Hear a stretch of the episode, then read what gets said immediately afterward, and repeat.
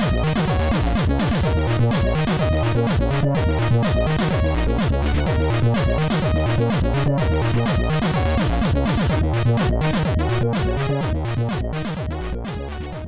Sziasztok! Ez itt a Checkpoint második évadának 18. adása. Szeretettel köszöntöm egyik vendégünket, Verdit. Sziasztok! Szeretettel köszönteni másik vendégünket, Nekrót, de még nem ért ide, majd mindjárt befut. És László, hello! Én, szeretet nélküli üdvözlést köszönöm. Sziasztok! Szeretettel, hello! Szóval Verdi és Necro nevét hallhattátok már az előző évadban, hiszen ők a Sidrip Alliance-nek a oszlopos tagjai. Oszlopjai. Pillériei, ugye? Igen. Egyéb pillérek mellett természetesen, akik most nem ülnek itt. És hát velük volt egy nagyon emlékezetesen vicces adása játékzenékről, amikor technikai oldalról így végigvettük a játékzene történelmet, ha jól emlékszem. Négyzet, fűrész és háromszög. Jel. Igen. Igen, igen, az, azt most már így tudjuk álmunkból felkeltve, ugye? Igen. Én megtanultam. ezen. Általában én, én oktatlak mindig téged stöki ezeken az adásokon, ugye, mert rád fér, de ott én is tanultam. Igen, és hát abban az adásban volt egy olyan tervünk, hogy majd a, a legnagyobb, leghíresebb, vagy, vagy itthon legismertebb videójáték zene komponistákról, zeneszerzőkről is megemlékezünk, de arra nem jutott adásidő, mert annyit beszéltünk. Úgyhogy hát akkor legyen erre egy másik adás, gondoltam én. Nem, remek, remekül el tudod mesélni. A... Gondolta Stirlitz. szóval ez lesz a mai témánk. Én, én bizakodva várom a vágást, azt meg főleg, mert egy csomó játékzenét is tervezünk így, így bele applikálni az adásba. Én, én feláldozom bármikor az életedet, a szabadidődet ezért, hogy egy jó adás készüljön. Köszönöm, örülök, hogy ezt az áldozatot meghozod. Hírekkel bemelegítünk, jó? Egy kücsöhűre. Szóval, Majora's Mask rajongói rövid film. Te ezt láttad? Én ezt láttam. Négy perc az egész, Négy úgyhogy perc az egész, az Ember Lab nevű, hát ilyen indie stúdió csinálta. Én, én Zeldában totál képzetlen vagyok, ezt nem büszkén mondom, hanem így a tényt szögezem le. De ennek a játék ismerte nélkül is így tök hatásos volt. Egy barom igényes ilyen cégei film. Igen, és ahhoz képest, hogy ezt is pár ember lelkesedésből, zéró Mhm. uh-huh. fillérből csinálta, szerintem még baromi jól is néz ki, azért ez nem mindig van így. Igen, igen. Tehát igen. valamikor tényleg csak a lelkesedés jön át. De ez, ez egy igényes, bemutatható, tehát a Nintendo is ezt valahova odarakhatná. Igen, A kirakatba. Igen. ezt, ezt, többen írták is ott a kommentekben, hogy, hogy ezt nyugodtan hivatalosan felvállalhatná a Nintendo. Egyébként jól értettem, hogy emberlábat mondtál? Ember Lab, mint uh, Ember, Ember Lab, mint Borostyán, Tehát akkor olyan- Borostyán laboratórium? Igen. Akkor olyan székelyesen emberláb. Amber, Amber, Amber Lab. Igen, a Bigfoot angolul. Magyarul Amber Lab. Az a baj, hogy, hogy a, a Majora's Maskot szerintem most megint tíz évig nem fogjuk látni, ugye a Nintendo nemrég kiadta a felújított verziót, úgyhogy pont lekéstek róla a srácok, de szerintem ez egy nagyon jól sikerült dolog. A És ez, Street Fighterből csináltak pár éve egy ugyanilyen erdőben Mhm. uh-huh. rugdosódós, majd mm, a Majora's Maskon nem rugdosódnak, de ugyanilyen erdőben valós felvétel meg CG keveredik. Ez nagyságrendekkel igényesen Mhm. uh-huh. lett. Egyébként a Majora's Mask remix kapcsán mm, az, hogy mennyire sikerült jó vagy nem jól, ott azért volt némi, hogy kicsit ketté szakadt a, a, a rajongói tábor, mert az egyik fele az uh, azt mondta, hogy a, sokat elvettek uh, a nyomasztó hangulatból azáltal, hogy kicsit színesebbé tették a grafikát, és Mhm. uh, talán szebb, de nem annyira uh-huh. nyomasztó, amilyen az eredeti volt. Hát ebben a rövid filmben volt nyomasztó hangulat. Nem tudom, ez a maszk, ez egy ilyen át, átok, átkozott tárgy? Hát nem, nem sok jó dolog Aha. Fűződik hozzá, igen. Ja, ez lejött a kis rövid filmből. De igen, hát a, szerintem a Nintendo egyik leghorrorisztikusabb játéka a Majora's Mask, még úgy is, hogy egy darab vér sincs benne, meg senkinek a kezét nem vágják le, de mégis ilyen, hát ugye a világ végén játszódik, tehát három nap van a világ végéig a Hm? játékban, és ezt ilyen elég durván pszichológiai részről vagy oldalról is megfogják, úgyhogy ilyen szempontból mindenképpen egy ilyen furcsa zárójeles része ennek a sorozatnak. Szóval nézzétek meg a Amber Nub Produkciójában. produkcióját. Következő hírünk, Veki Wills remake készül, ráadásul hivatalos remake. Veki Wills, mondd ez neked valamit? Fogadjunk, hogy nem. Én a Veki részízzel játszottam. Na. Ja, ez végig is majdnem ugyanolyan. Igen, Szóval- csak ez licensz nélküli karakterek, ahogy láttam. Szóval ez is ilyen Mari- Mario Kart klón gyakorlatilag. Szegény Ö, PC-seknek. Szegény PC-seknek, igen, szegény ember Mario Kártya. Ez egy remek mondjuk, volt. mondjuk, mondjuk szerintem rohadt szórakoztató volt. Uh-huh. Állatokkal kellett fűnyirón üzélni, versenyezni, ugye, ugye fűnyirónak nevezték azt hiszem. Abszolút eltalált a játék volt szerintem. Igen, de, de én még jobban, Hiánypótló alkotás abban az időben. 94-ben, és igen, és én, én még jobban szerettem egy évek később meg ilyen BC Racert, ha arra emlékeztek, ahol ős, Igen. mindenféle ősemberek, és ott lehetett csapkodni bunkolval a másik Igen, az, ősember. az volt benne a legjobb. Az úristen, de jó. Ez, azt, azt rongyosra játszottunk. Játszottuk a koleszba egymás ellen nyilván, az, az, az nem vicces volt. Szóval a, a Veki egy ilyen vicces mm, autóverseny per, per ügyességjáték. Kártjátéknak hívják ezeket. Jó, akkor kártjáték. Szóval az Apogee fejlesztette 94-ben, aztán jogok azok valamilyen úton módon Ferocity 2D nevű indie csapathoz kerültek, és a, ezen a héten már le is lehet tölteni ilyen pár dolláros, pár eurós tétel. Téged meggyőzött az a videó? Nem. És ha már ilyen zene körüli adásunk van, az a botrány, amit ha mögé raktak zenének, az, az hogy? Arra nem is figyeltem fel, mert Egy ilyen andalító tinci-tánci zene van alatta, aminek egy ilyen minimum rockzenének kéne lennie, nem egy ilyen multiplayer örjöngés alatt. Ez meg mint egy ilyen tájképekről szóló dokumentumfilmnek a zenéje. jó, hát azt nem mondtam, hogy egy jó sikerült remake, csak Végül is híreket olvasunk, de igen, tehát igen, hát, hát, ja, csak hát, hát ha van itt olyan rajongó a hallgatók között, aki, aki most így hanyat homlok rohan Egyébként a BC Research, venni. uh, Racers, Hm, szóljatok rám, akkor nagyon csúnyán mondok valamit. Szóval a BC Racers uh, elő fog még kerülni. BC racás, úgyis BC mondod. Rater, BC Raters, igen. Rufis Tamadas. Szóval az még elő fog kerülni a játékzenéknél is, uh, mert hogy azt Igen? egy, Ó. uh, a, annak a zenéjét író emberke az Amiga vonalon is alkotott. Azt a Krisztus előtti versenyzők, magyarul. Martin. Martin Iveson. Nem tudom, hogy mondják. Iveson. Jó van, akkor erre még visszatérünk.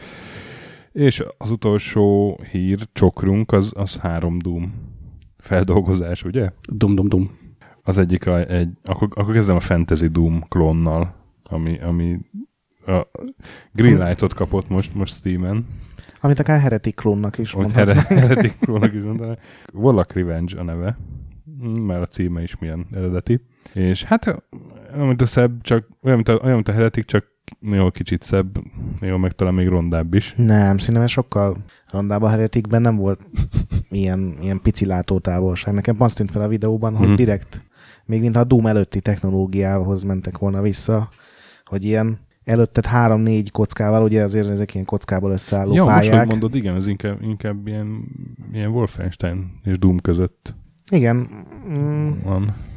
a szörnyek nagyon jól néztek ki, az így tetszett, Mhm, de mhm. Hát nekem az jutott eszembe, hogy, hogy, hogy az indie retrónak is van az érhatára, tehát én, én ezt nem támogatom.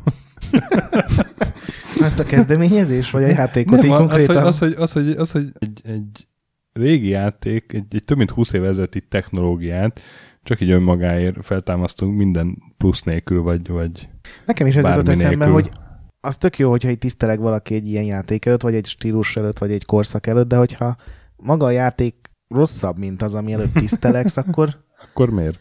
akkor miért? És ezért volt például a Shovel Knight, vagy az Undertale egy ilyen tökéletes főhajtás, és ez a Warlock's Revenge nekem nem tűnik jobbnak, mint a Doom, sőt. Ez szerintem leborul az eredeti előtt, és ott marad. Ez tökéletes. Jó megfogalmaztad. Igen, és mennyivel jobb a másik Doom feldolgozása, 2D Doom, a kétdimenziós Doom, amit a Calavera Studio adott ki, vagy ez is egy ilyen másik indie csapat, tök ingyenes, lehet tölteni. Én letöltöttem, és játszottam vele pár pályát. Rohadt jó. Én nem gondoltam volna, hogy egy 2D Doom az, az ilyen jó tud lenni. Ugyanazokkal a hangokkal, amik a, a Doomból ismertek, egy teljesen más játékélmény, ugye egy kétdimenziós oldal scrollozós, ugrálós. Igen, mint a régi. Ez ugrálós, hát a Doomban nem lehetett ugrani. De ebbe lehet. Azért mondom, hogy tök más játékélmény, és valahogy a fegyvereket is úgy, úgy megcsinálták, hogy, hogy még a BFG is működik, hogy belépsz a falba, és akkor aki a képernyőn van, az, az sebződik. Hm. Szóval így próbáltak ilyen mindenféle feltúrákkal azért úgy tisztelni a Doom- előtt, és rohadt jól megcsinálták. Igen, ez az, hogy ugye ők is egy tiszteletet hajtottak Mhm. a Doom előtt, de csak átvették így a design meg a hangokat, Igen. meg a, az ultra jó zenét. Egyébként a Warlocks Revenge-nél is ugyanez a tánc, vagy ilyen Mhm. lift zene volt, ami engem zavart, és utána megszólalt a Doom, és azonnal kedvet támadt lövöldözni, tehát így tényleg vannak különbségek. Még érzem, nem könnyű. Nem, a az- két dimenziós Doom sokkal nehezebb, mint a három, mint a két és fél dimenziós. Igen, hát ugye sokkal könnyebben eltalálhatnak azért. Nem lehet, nem lehet, hogy csak azért, mert a, A stréfelés nem nagyon működik. Igen. a két és fél dimenziós Doomot azt már szarrá játszottad, és Nem. Nem, mert ott ki tudsz térni a tűzgolyó elől itt meg, mondjuk ha jókor ugrasz, akkor. Itt, itt igen, csak fölfelé tudsz elugrani, oldalt nem tudsz ellépni az imp tűzgolya elől. De jó, ez egy, ez egy tök jó ötlet. viszont itt gyorsabban meglátod, hogyha mögötted megjelenik valaki. Akkor már régen rossz itt, hogyha mögötted van. Én, én csak pár pályát játszottam vele, de A két és fél dimenziós Doomban azért elég sűrűn előfordult, hogy mondjuk kapcsoltál, és akkor egyszer csak hallod, hogy és akkor megpöröksz. azok a morgások, mint a Hmm. szekrénybe zárt macska, az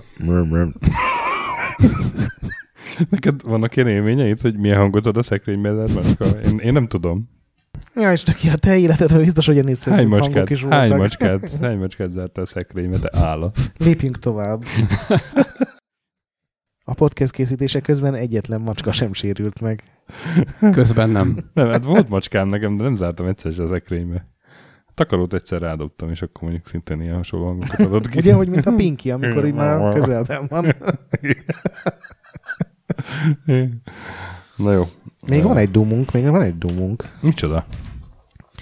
Nem láttad a... Ó, de hogy nem tudom, mire, mit fogsz mondani, de azért mondjad.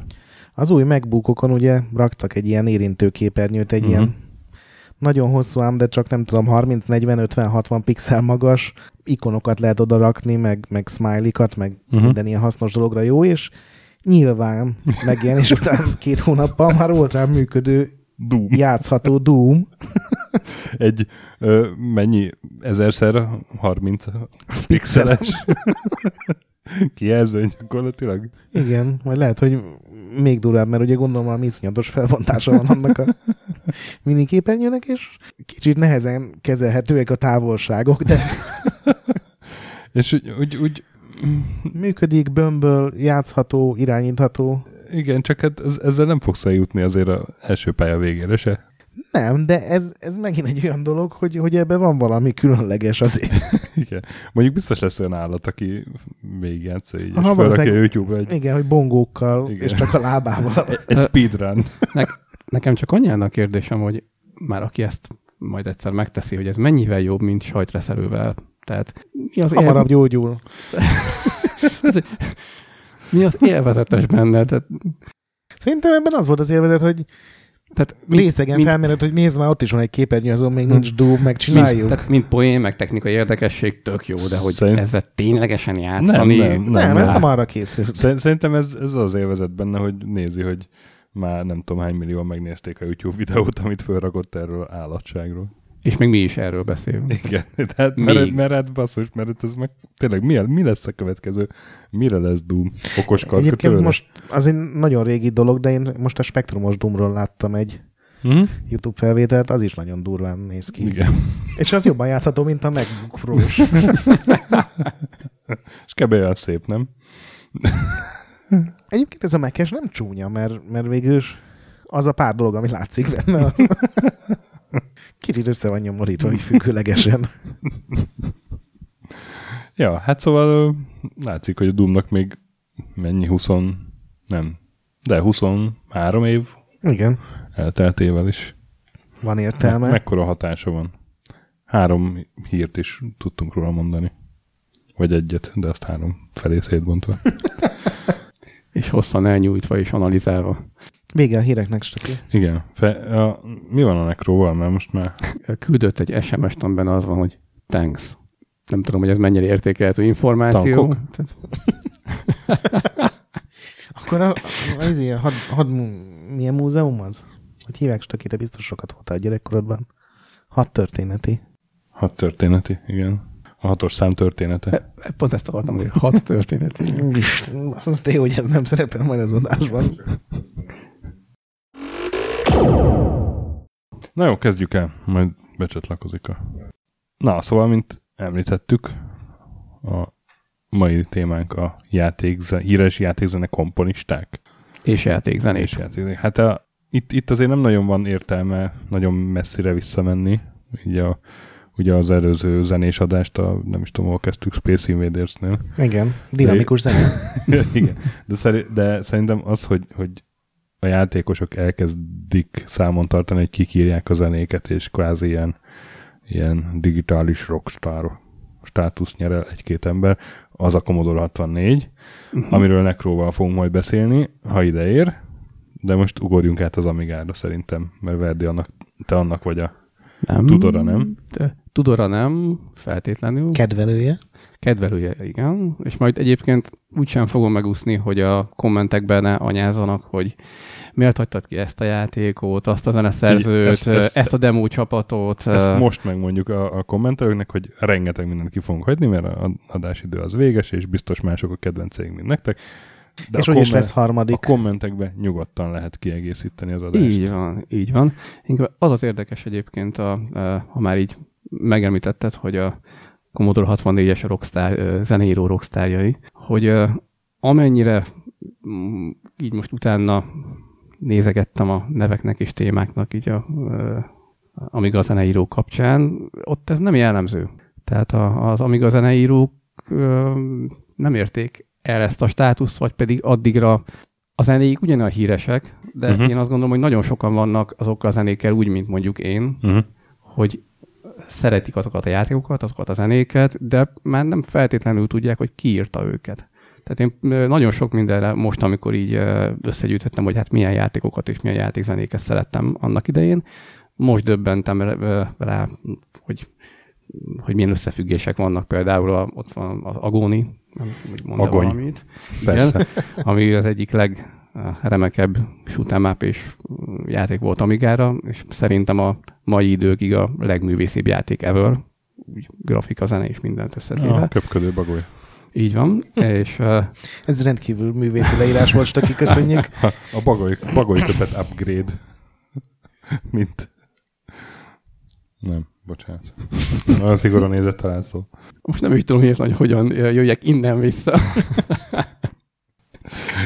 szóval fene se gondolta volna, hogy annak a játéknak a zenét nem, hogy, hogy nem egy zeneszerző írta az összes zenét, Mhm.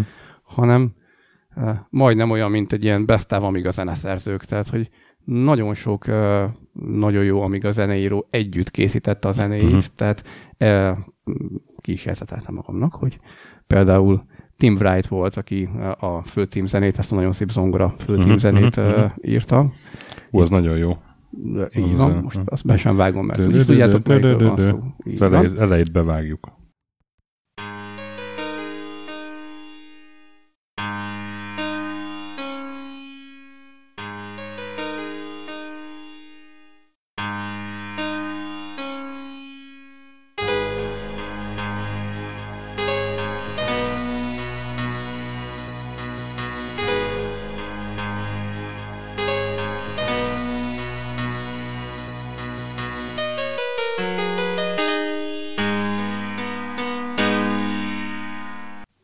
Okay,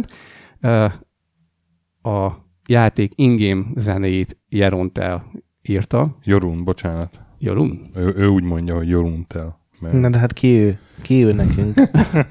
Ami egyébként, Jeroen. ami egyébként meg is lepett, mert uh, ismerve a Commodore 64-es munkásságát, az büdös életben nem gondoltam volna, hogy olyan uh, zenét írt valaha is, mint ami megszól a, a gonyban.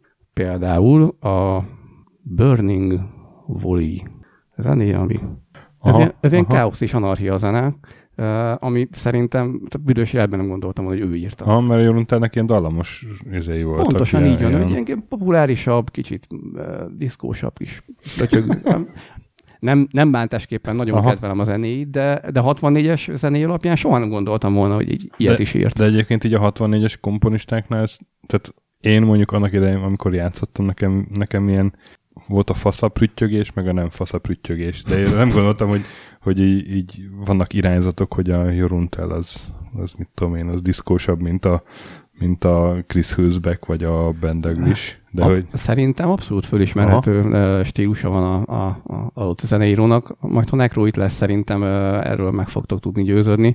Azt mondta, hogy hoz olyan zenét, amit a vakulat le fog potyogni a falról. aha, Természetesen Necro írta.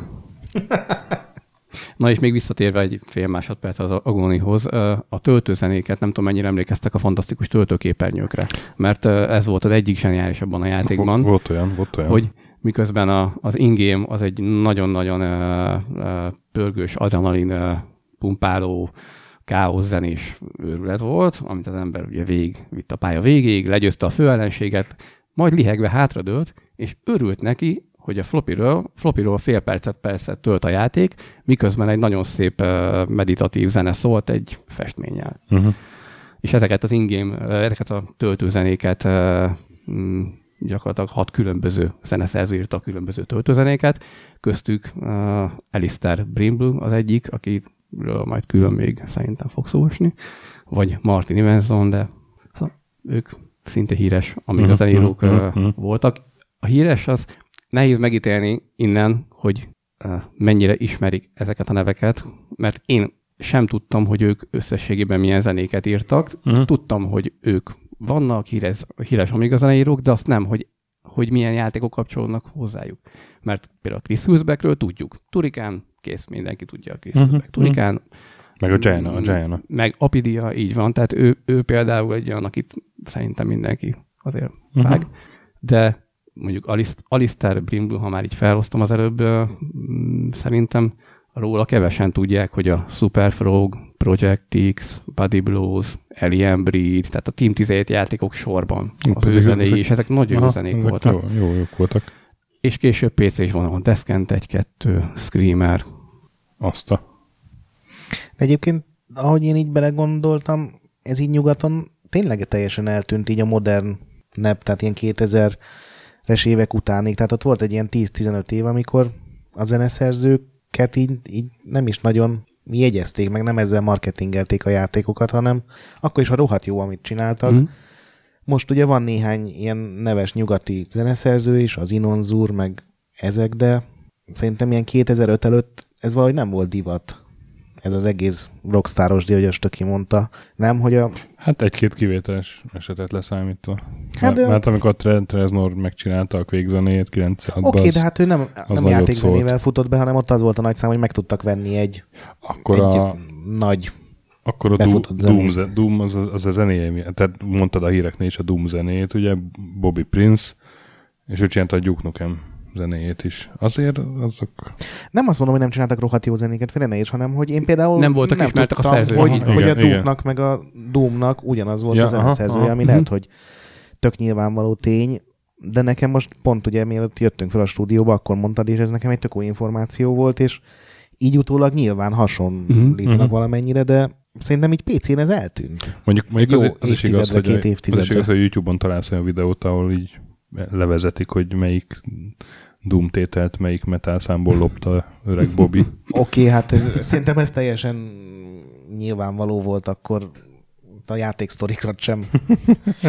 ők maguk találták ki, vagy hogyha igen, akkor De igen, tehát, egy, e- igen, tehát ez, ez igaz, amit mondasz, hogy kevésbé volt bent köztudban, illetve hát ugye a 90-es évek, hát már az elejét úgy az Amigánál így mondod, de a közepétől meg pláne az volt, hogy, hogy már nem egy ember írta a zenét. Így meg akartam nézni most, hogy emlékeztem, hogy a Starcraftnek rohadt jó zenéje volt. Azt tényleg így hallgattuk. Be, bekapcsoltuk a játékot, és akkor hallgattuk a zenét. De az nem Amiga volt. Nem, nem Amiga volt. nem, most igen, PC-re kicsit átsoztunk, de hogy, hogy ott meg akartam nézni, ki írta a zenét, és mit tudom, fel van sorolva, ami öt név.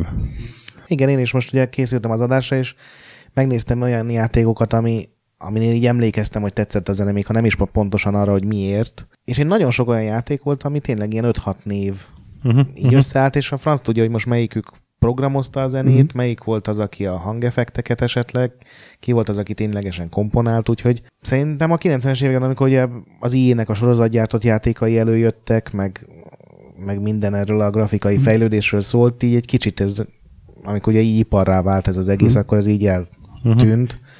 És a japánoknál meg ezért maradhatott meg, mert ott ott ezt mindig komolyan van vették ezt a, a szinkron hangokat, és ugye teljesen mm. megőrülnek azért, mert a nem tudom milyen animének a hangja van egy játékban, és, és ugyanúgy a zenékkel is.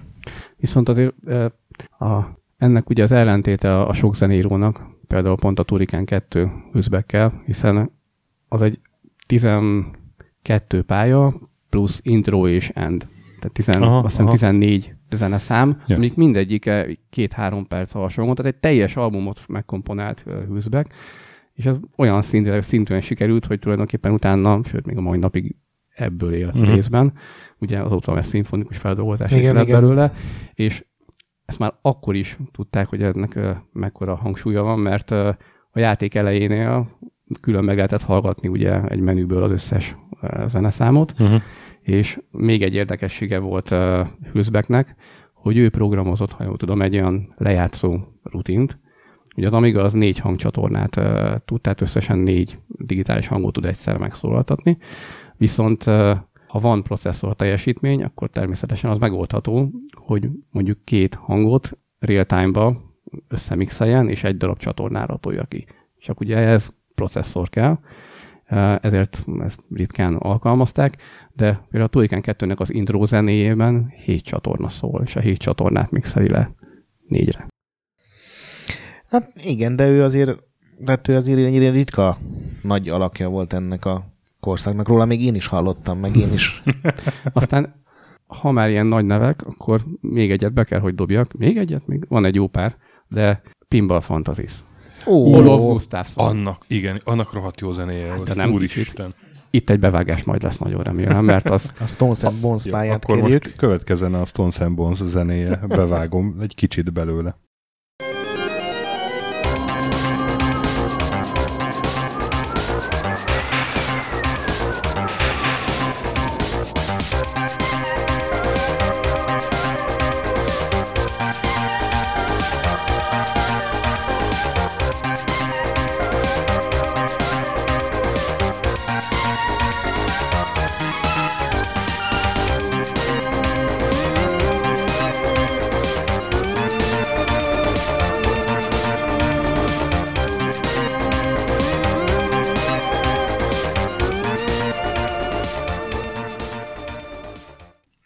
Igazából, az volt. de az intro volt egyébként még ugye az intro a zenéje, amit aztán remixelt is szintén Rolf Gustafsson. Én a Stones and Bones pályán szerintem hónapokat töltöttem el így real, real időben. Jó, de nem csak az zene miatt, tehát ott a, az rohadt jó ki mm. volt találva az a... Igen, de pont egy ilyen viszonylag monoton flipper. játéknál, mint egy flipper azért, mm. hogyha olyan a zene, ami már egy kicsit is idegesítő lesz a 30. Ez órában, igaz. akkor megöli az élményt. Ez igaz. És ennek az iskola példája, hogy ez hogyan kell elkerülni? Settlers. Emlékeztek a Settlersnek a zenéjére? Nem. These Easers. Nem. Volt német. Ne, komolyan nem. Nem. Megnézem, hogy letöltöttem. be, és valószínűleg egyébként azonnal eszembe fogjuk, hogy a Settlers egy kettővel szintén iszonyatosan sok időt töltöttem.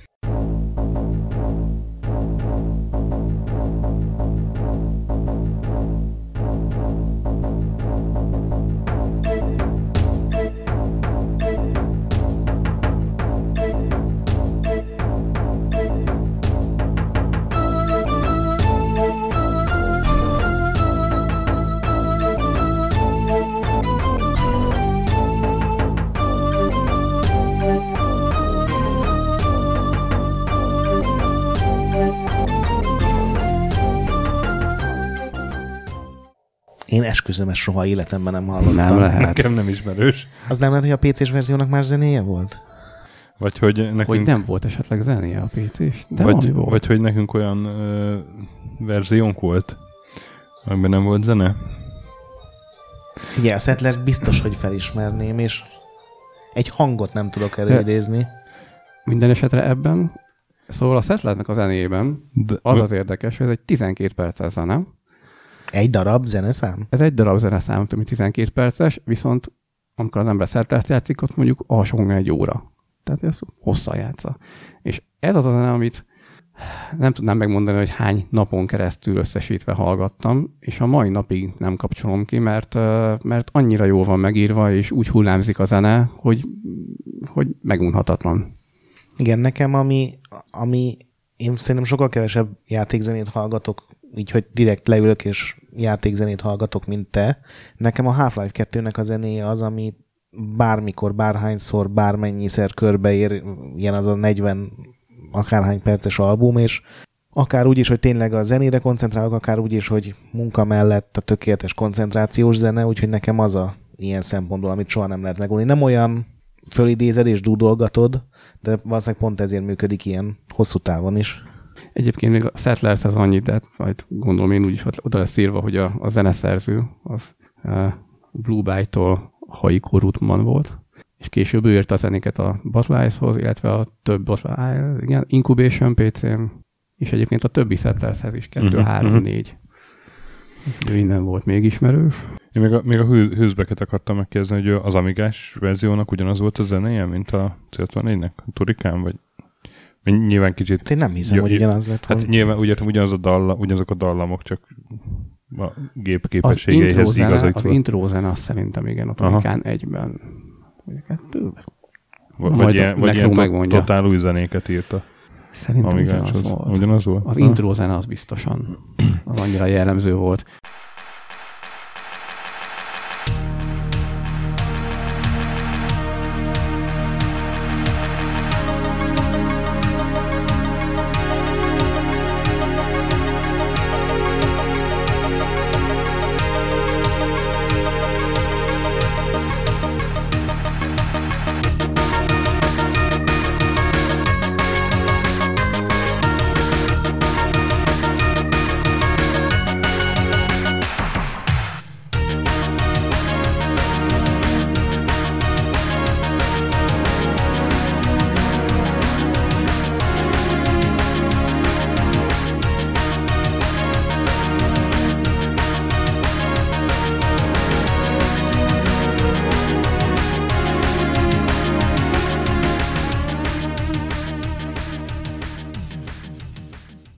Jaguar XL220, emlékszik, emlékszik valamelyik ötök a Jaguar XL220-ra? Hogyne, hogyne, hogyne. Az elején az a fantasztikus basszusgitáros intro zene, és hogy utána... Na, arra nem emlékszem a játék.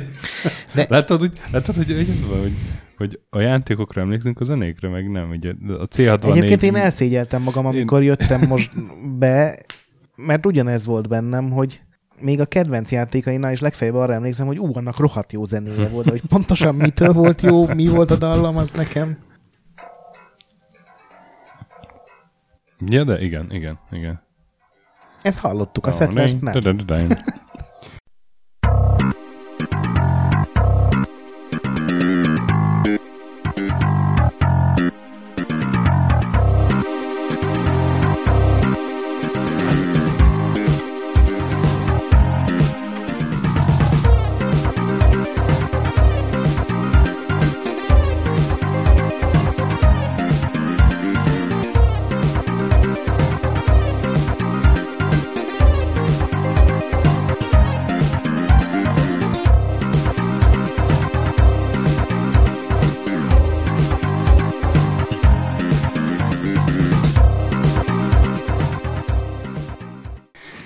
Ugye ennek, ennek a zenének az volt még, vagy ennek a játéknak az volt az érdekessége, hogy emlékeztek rá, hogy egy rádióban uh-huh. ki lehetett választani, hogy milyen zeneszámokat, milyen zeneszám szóljon a, játék alatt. Tehát egy rendes autorádió volt ott.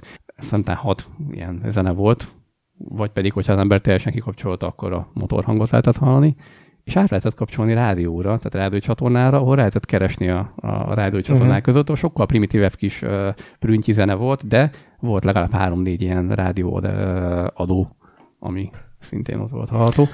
És egyébként ebben volt egy metálzenés, amit ha most Necro itt lenne, akkor uh, szívesen az orra átolnák, ugyanis ha emlékeztek rá, akkor ő a legutóbbi adásban azt nyilatkozta, hogy nem szereti az Amiga zenéket, mert hogy a, a 64-es zene az sokkal keményebb, igen, sokkal metál, sokkal rokkabb. És ebben egyébként egyet is értek vele, de mondjuk speciál itt egy nagyon jó metál témát írtak ehhez a játékhoz.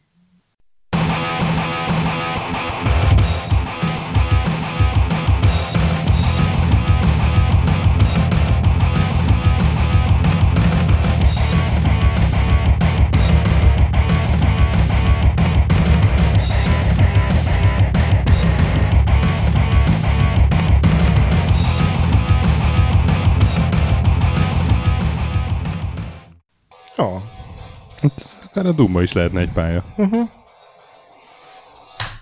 De egyébként még visszatérve a Settlershez, szerintem ott volt egy fontos dolog, ami számít, hogy ugye mondtad, hogy a Blue Byte-nak az összes játékát ugyanez a zeneszerző gondozta. Szerintem ez is lehet egy ok, hogy itt már nem az volt, hogy egy-egy projektről leigazoltak egy zeneszerzőt, és akár hogyha nagyon jól dolgozott, akkor azzal adták el a játékát, hanem meg volt az, hogy a Team 17-nek a házi zeneszerzője, a Blue Byte-nak, meg szerintem az összes ilyen kicsi, közepes, nagy stúdiónak. Igen, igen. És ez, ezért is lehetett, hogy elsikkadt, mert már nem az volt a nagy szám, hogy leigazoltunk egy, egy bármilyen nagy nevű ismertebb zenészt, hanem tudtad, hogy a, nem tudom, a Blizzard zenéket valószínűleg ugyanaz a fickó fogja írni legalábbis az egyik sorozat, egyik az, sorozatot. Az mond neked valamit, hogy Michael Land, mint zeneszerző?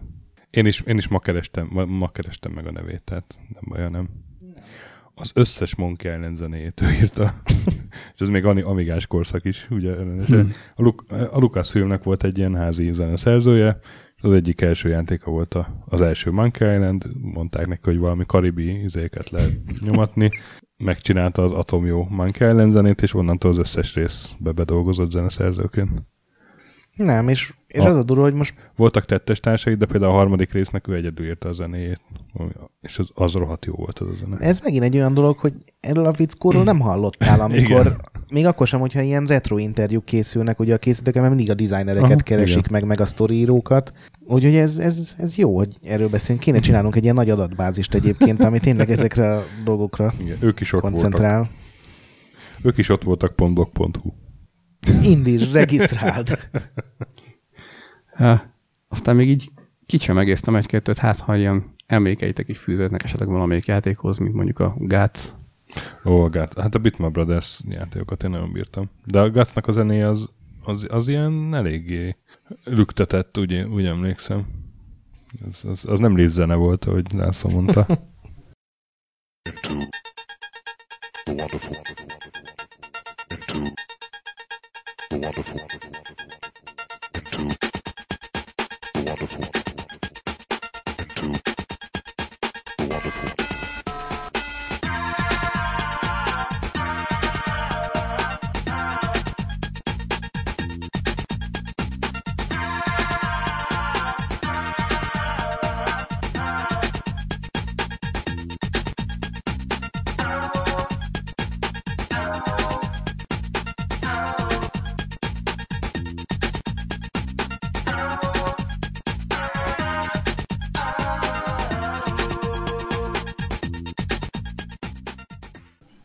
Azonnal felismerhető, amíg a zene. Igen, igen, igen. Egyébként a Gásznak a zenéje az nem uh, kilóg ebből a sorból, tehát a, itt, ahogy nézegettem a zenérókat, hogy kinek, hogy ki hány játékban írt zenét, és olyan adott jellemző stílusa van. A Gácnál azt találtam, hogy egy Nation, ilyen Nation 12 nevű formáció készítette a zenéjét, tehát nem is egy zeneíró, amelyik John Foxból és Tim Simenomból állt, akik egyébként uh-huh. ilyen angol zene producerek, és később uh, jó pár rendes uh, nagy zenei, tehát nem, nem játékzenei, hanem popiparban uh-huh, uh-huh, producerek uh-huh. uh, elég sokat uh, alkottak, de ez az egyetlen ilyen játékzenéjük, ha jól tudom, amit így közösen uh-huh. létrehoztak. Abszolút kilógott a sorból. Uh-huh. És még mit hoztál? De ez egyébként milyen durva, hogy az Amiga zenénket így felismered, de szerintem nagyjából ott tűnhetett el, nem? Hogy igen, igen. amikor átértünk a PC-re, ez megint egy ok lehet, hogy miért nem ismered fel a zeneszerzőket, hogy ott már ugye az szólalt meg nagyjából, amit akar, jó, nem az legelején, amikor még a gép prüttyögött, de hogy ugye már múltkor is beszéltünk, hogy a Necro is mondta, hogy hát amikor már bármilyen zenét ki tudsz préselni a gépből, az már nem olyan menő. Igen, a, a Shadow of the Beast, az egy oh, igen. remek példa a, kipré, a kipréselésre olyan szempontból, hogy akkoriban nem nagyon hallott minőségű hangmintákból állt ez a zene, tehát nagyon-nagyon jó szólt, szinte szimfonikus, szimfonikus zenekar szólalt meg. Na, azt, azt felismerem bármikor. Így van, egyébként ez David Whittaker. Azaz, azaz. És később a Lego Star Wars-nak a zenét írta Alfred Chicken Epic illetve az, a Golden Axe uh, Amiga, Amiga port az hozzá fűződik annak a zenéje. Lökjed már be.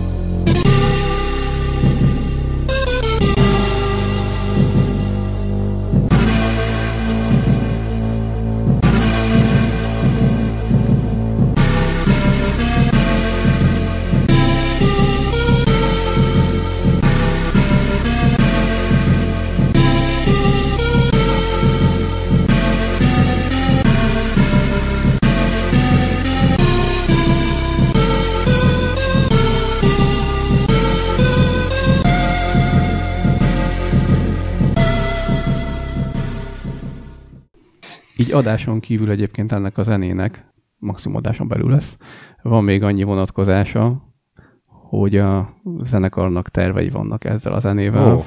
mert adósságunk is van az amig, amigások felé. Ja, hogy, hogy ne csak C64-eseket igen, mert PC már van, PC, egy igen. kicsit Aha. konzol is van, de amíg a zene, az, az valahogy még eddig elkerülte a zenekar, de... És ez ez a célpont? Te ezért lobbizol? Uh, nagyon erőteljesen felmerült, de bízom benne, hogy fél éven belül ki fog derülni, és aztán akkor még ilyen, mielőtt átadnám a nem is tudom, vezérfonalat Necromonnak, akinek még mindig csak a hűlt helyét látjuk. Szerintem nem mehetünk el így szó nélkül egy-két nagyon remek demo és demo zene mellett, ahol nem fogok tudni feltétlenül zeneszerzőt mondani, vagy csak uh, ilyen demo színnevet. Aha. Ja igen, hát ők hozzátették elég keményen magukat. Amigán nagyon jó. A magukét, Amigán is, meg C64-en is. Így van, így van, és Amigán így zanzásítva, ugye például a Pinball fantasy volt egy crack ami azért volt érdekes, mert ugye a Pinball fantasy fantasztikus intro zenéje volt, korábban aha, beszéltünk aha. róla, és előtte pedig egy zseniális Skid Row, Crack uh, zene volt, Skid Row, Crack ami így szólt.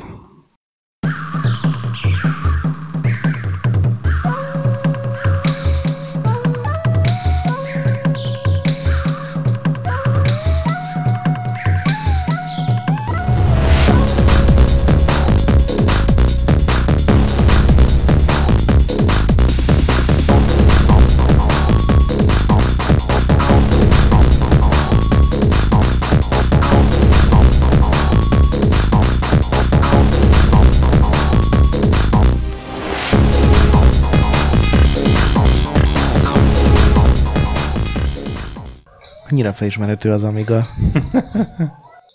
ez, ez nem, tényleg jó. Ez nem az a tipikus Amiga zene egyébként. Uh-huh, uh-huh. Állat. Abszolút. Ja, hát igen, igen. De, de tényleg itt csapatokat lehet mondani. Itt se tudod, hogy, hogy ki volt az, nem? Uh, itt a, ahogy mondtam, a Skid Row csapata csinált ezt a crack és konkrétan Homicide, Homicide. Demoszín nevű igen, mert én, zeneíró én, készítette én egyébként, a Skid Row csoportból. Hát meg ugye ez is a, a Secondary Reality zenéje, ugye, ami feldolgozhatok, ugye az is egy demo zene, bár az már PC. Így van, itt külön ki is emeltem magamnak ah. Purple Motion-t, aki ugye uh, egyébként John Waltonen polgári nevén, és ugye a Future Crew PC demo csapatban dolgozott, és ugye az Unreal demóban, illetve később a Second Reality-ben, ami az Unreal 2 mm. tulajdonképpen, és még később a Death Rally-nak ő írta a zenéjét egyébként. Ma pedig uh, a fő projektjei azok a játékzenék szimfonikus zenekarra hangszerelése. Tehát ha jól tudom, akkor például a Final Fantasy uh, szimfonikus uh, uh-huh. zene, zenejátirat, amit előadnak Európában mindenfelé, az is hozzá fűződik. De a kottázás része, vagy milyen? Így, tehát... így van, tehát konkrétan ő írja meg a partitúrát, ő, hogy mondjam, portolja szimfonikus zenekarra a játékzenéket, és ez a, ez a fő, fő irány most nála, és ebben, ha jól tudom, hmm. akkor a világon az egyik legkeresettebb és leghíresebb egy ember egyébként.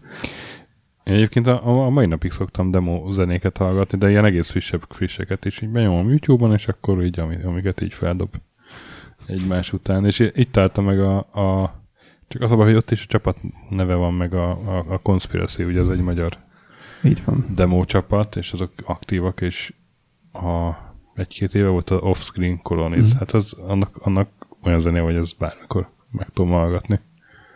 Be is nyomom majd ide. Na.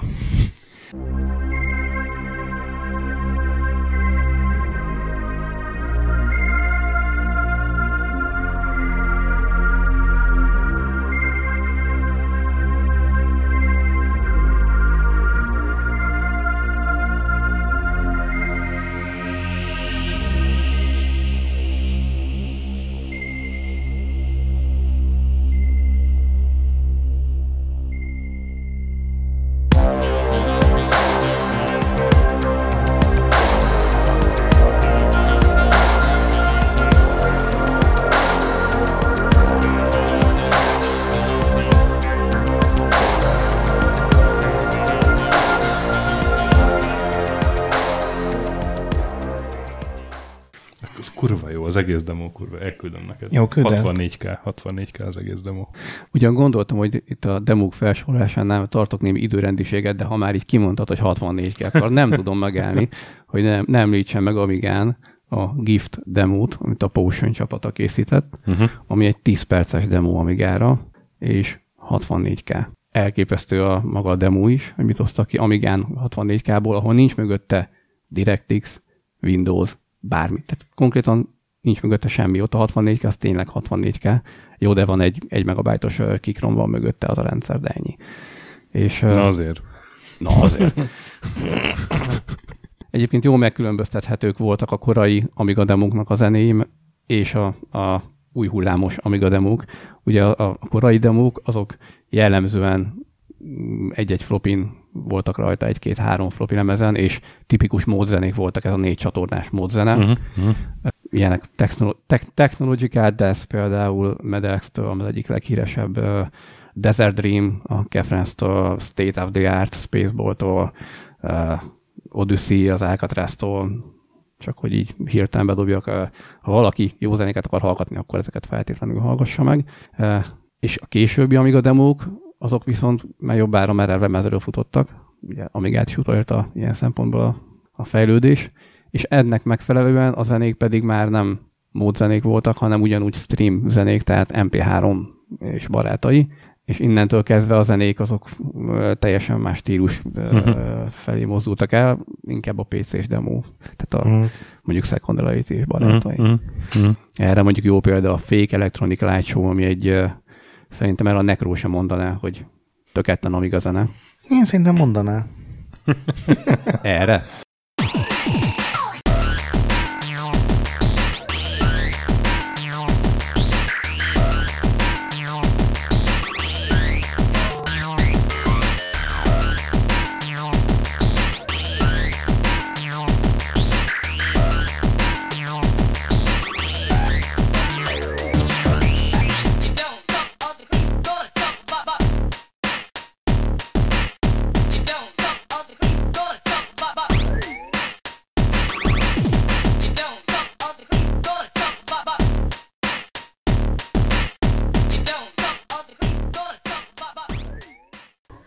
Tiszta Jet Set Radio. ez a demo is fantasztikus, és a zenéje is szerintem Mm. mm. egy nagyon ütős darab. De ugyanígy a, a, a Mentál, a Pustól, vagy pedig a Black Lotus, az egyik legaktívabb Mhm. Amiga demo csapat, nem tudom, hogy róla esetleg, nem? Nem, nem hallottál. Az, az így nincs meg. TBL, a Black Lotus. Mm. Keressetek rá. A Rift és a, a, Rift és a Star Trek például ilyen És itt szégyellem magam. Nem tudatlanok vagyunk. Helyetted is. Rám fér. De egyébként ezek a demós zeneszerzők például így gyakorlatilag az Amiga végével abba is hagyták, tehát nekik tetszett ugyan ez a gép, ez a, ezek a lehetőségek, és utána föl is adták, vagy ők tovább léptek PC-re, vagy esetleg elmentek profi fejlesztőnek, vagy Nem, a korai Amiga demók, azok születtek még az Amiga életében, és a későbbiek, lásd például mondjuk a Fake Electronic Show, amit előbb hallgattunk, azok már jóval az Amiga halála után születtek. Nem tudnék pontos évszámot mondani, de Hát igen, amikor már gondolom kihívást kerestek, meg, meg korlátokat kerestek emberek, akiknek ez a happy de hogy akik tényleg az elején voltak ott ők. hát ők ugye, az, ahogy én észrevettem, akik Amiga demo vonalon mozogtak zenérók, ők kevésbé dolgoztak játékzenéken is. Uh-huh. Akik játékzenéken dolgoztak viszont, ő belőlük később sok esetben lett, te sok esetben mentek át PC-s vonalra, tehát PC-s játékokhoz is készítettek zenéket, ugye, hogy korábban ugye a BC Racers-től kezdve az Incubation-on át a Settlers és barátai, tehát Sőt, még Tom Raider-t is Amigás zeneszerző készített, a Tom Raidernek zenéit, aki a Core Design-nak a zene, zeneírója volt, és most gyorsan lesek magamtól, aki nem volt más, mint Martin Evanson, az ő neve is fölmerült, Na, tényleg. mert hogy ő ugye a Jaguar XC2 zenét Mhm, mhm. készítette, aztán a Chuck Rock 2, Bub- Bubba Sticks, hogy az Amigás vonalat említsem, és aztán PC-n a BC Racers, Tom Raider, sőt, Alkalmazkodnia kellett. tehát a Core Designer együtt ott maradt tizen pár évig a Core Designnál, és nagyon sok játéknak a zenét Most amíg, készítette. amíg Net- Necro befut, kicsit a, a konzolos zeneszerzőkről ejtsünk már szót, csak így a tisztesség kedvéért. Én, én itt egyet mondok, Koji Kondo. Koji Kondo? Igen, hát... Mario, ő... Zelda. Illetve az Ocarina of Time, ugye az Zeldából. Nem csak az. Nem csak az, nem, az összeset? Hát az újaknál már nem csak ő, Aha. meg nem feltétlenül ő a vezető, de ő már elég idős, de még a legutolsó 3D-s Máriónak is ő csinált. Tehát ő, ez a két sorozatra így elég sokan büszkék lennének. szóval, hogy, hogy valószínűleg az ő a legismertebb konzolos zeneszerző, vagy Nintendo-s, az A mindenképpen. zenéit biztos, hogy ő, az ő. Aha. zenéinek, vagy a zenéket biztosan nála ismerik legjobban, de az, a neve szerintem talán nem volt annyira marketingelve a Nintendo, azért ilyen szempontból, főleg így a 90-es években eléggé ilyen, nem is tudom, ez a tipikus japán tudat, hogy a cég számít, és nem az emberek, akik Hát, mögötte igen, dolgoznak. Épp akartam mondani, hogyha, hogyha így azt mondod, hogy mondjak még egy japán, híres japán konzolos zeneszerzőt, lehet, hogy nem, fog, nem tudnék. Viszont a zenét azt tudnál mondani. Hát szerint azt tudnék, a Final Fantasy-kben rohadt jó zenék vannak De például. akár csak még ebből a neses, uh, neses időből is, ugye A Donkey Kong, amit mutattál Metroid múltkor. 2, Na Jó, én ezzel nem játszottam. a, meg, a, meg a Metroid, bocsánat. Nem, az, Castlevaniák. nekem nem voltak metroim. Hát gyakorlatilag minden ilyen nagyobb játéksorozatnak Japánban valahogy úgy alakult ki, hogy egy Egy ember. zeneszerző Aha. van, és akkor az így végigkíséri legalább így a fontosabb korszak. Nem, hogy nem minden spin-offot, meg nem minden újrakiadást ő csinál, de megvan ugyanúgy a Metal Gear Solidoknak, a Castlevania-knak, a Silent Hill-eknek, mindennek megvan, és ugye a Final Fantasy-nél ez a Nobuo Uematsu, Azaz. Olyan Matsunobu. aki és akkor Kondo, ke... Kondo Koji, igen. uh-huh, nem. De hát aki ugye az első 11 Final Fantasy-nek, meg a 14-nek írta szinte a teljes zenéjét, és a 15 kivételével még a többiben is benne volt. Ő ugye a Liberi Fatale szerintem a leghíresebb dal, amit csinált, ugye a 8-nak az a az a latin-szerű uh-huh. szöveges. Ne, ne, tőlem kicsit távol áll. Tehát nekem túl lágyak ezek a, izék, ezek a Final Fantasy zenék. De itt tehát jó zenék, de nem, nem az a nem, nem az én Hát ugye- világom. Ne sem még olyan nagyon vad zenéket nem lehetett írni. Uh-huh. Uh-huh. Mm, Hát azért ne sem rock zene. benne. Szerintem pont úgy, ahogyan Commodore 64-esen is uh, valahogy benne van a, a, a hangszínben, meg a, a, az eszközben. Szerintem találnánk azért olyan neses zenét, amelyik úgy metal. Hát lehet. Nekem a NES az a, a Mario, amikor berakod és elindul az astöki által már el- eldúdolt. Hm. A Mega Meneknek voltak még nagyon jó. Castlevania-t hall... Igen, a Mega Man így van, de a castlevania mindenképpen, amit hallgass meg. Már csak azért is, mert castlevania a castlevania a főcím zenéje, de szerintem az egynek, Castlevania egynek. Mert ugye azt a zenekarra is feldolgoztuk. Ja. Bizony. És az, azt nagyon szeretik az ember- emberek, meg hát mi is. Én most rákerestem ma, hogy készültem, egy hiba volt úgy utólag a kedvenc Castlevania zenéd topikra, és gyakorlatilag nincsen összhang, tehát így legalább 20 játék elhangzott, hogy melyiknek volt legjobb zené, és mindegyiken belül legalább 10 szám, hogy igazából ez a legjobb, és ha nem így gondolod, akkor egy ilyen botfülű állat vagy, akit legjobb lenne felnégyelni. Tudod, ez a szokásos ilyen Reddit kedvesség. Szerintem a japánokra akár egy külön adást is lehet majd szánni, főleg, hogyha bevágunk egy-egy zenét.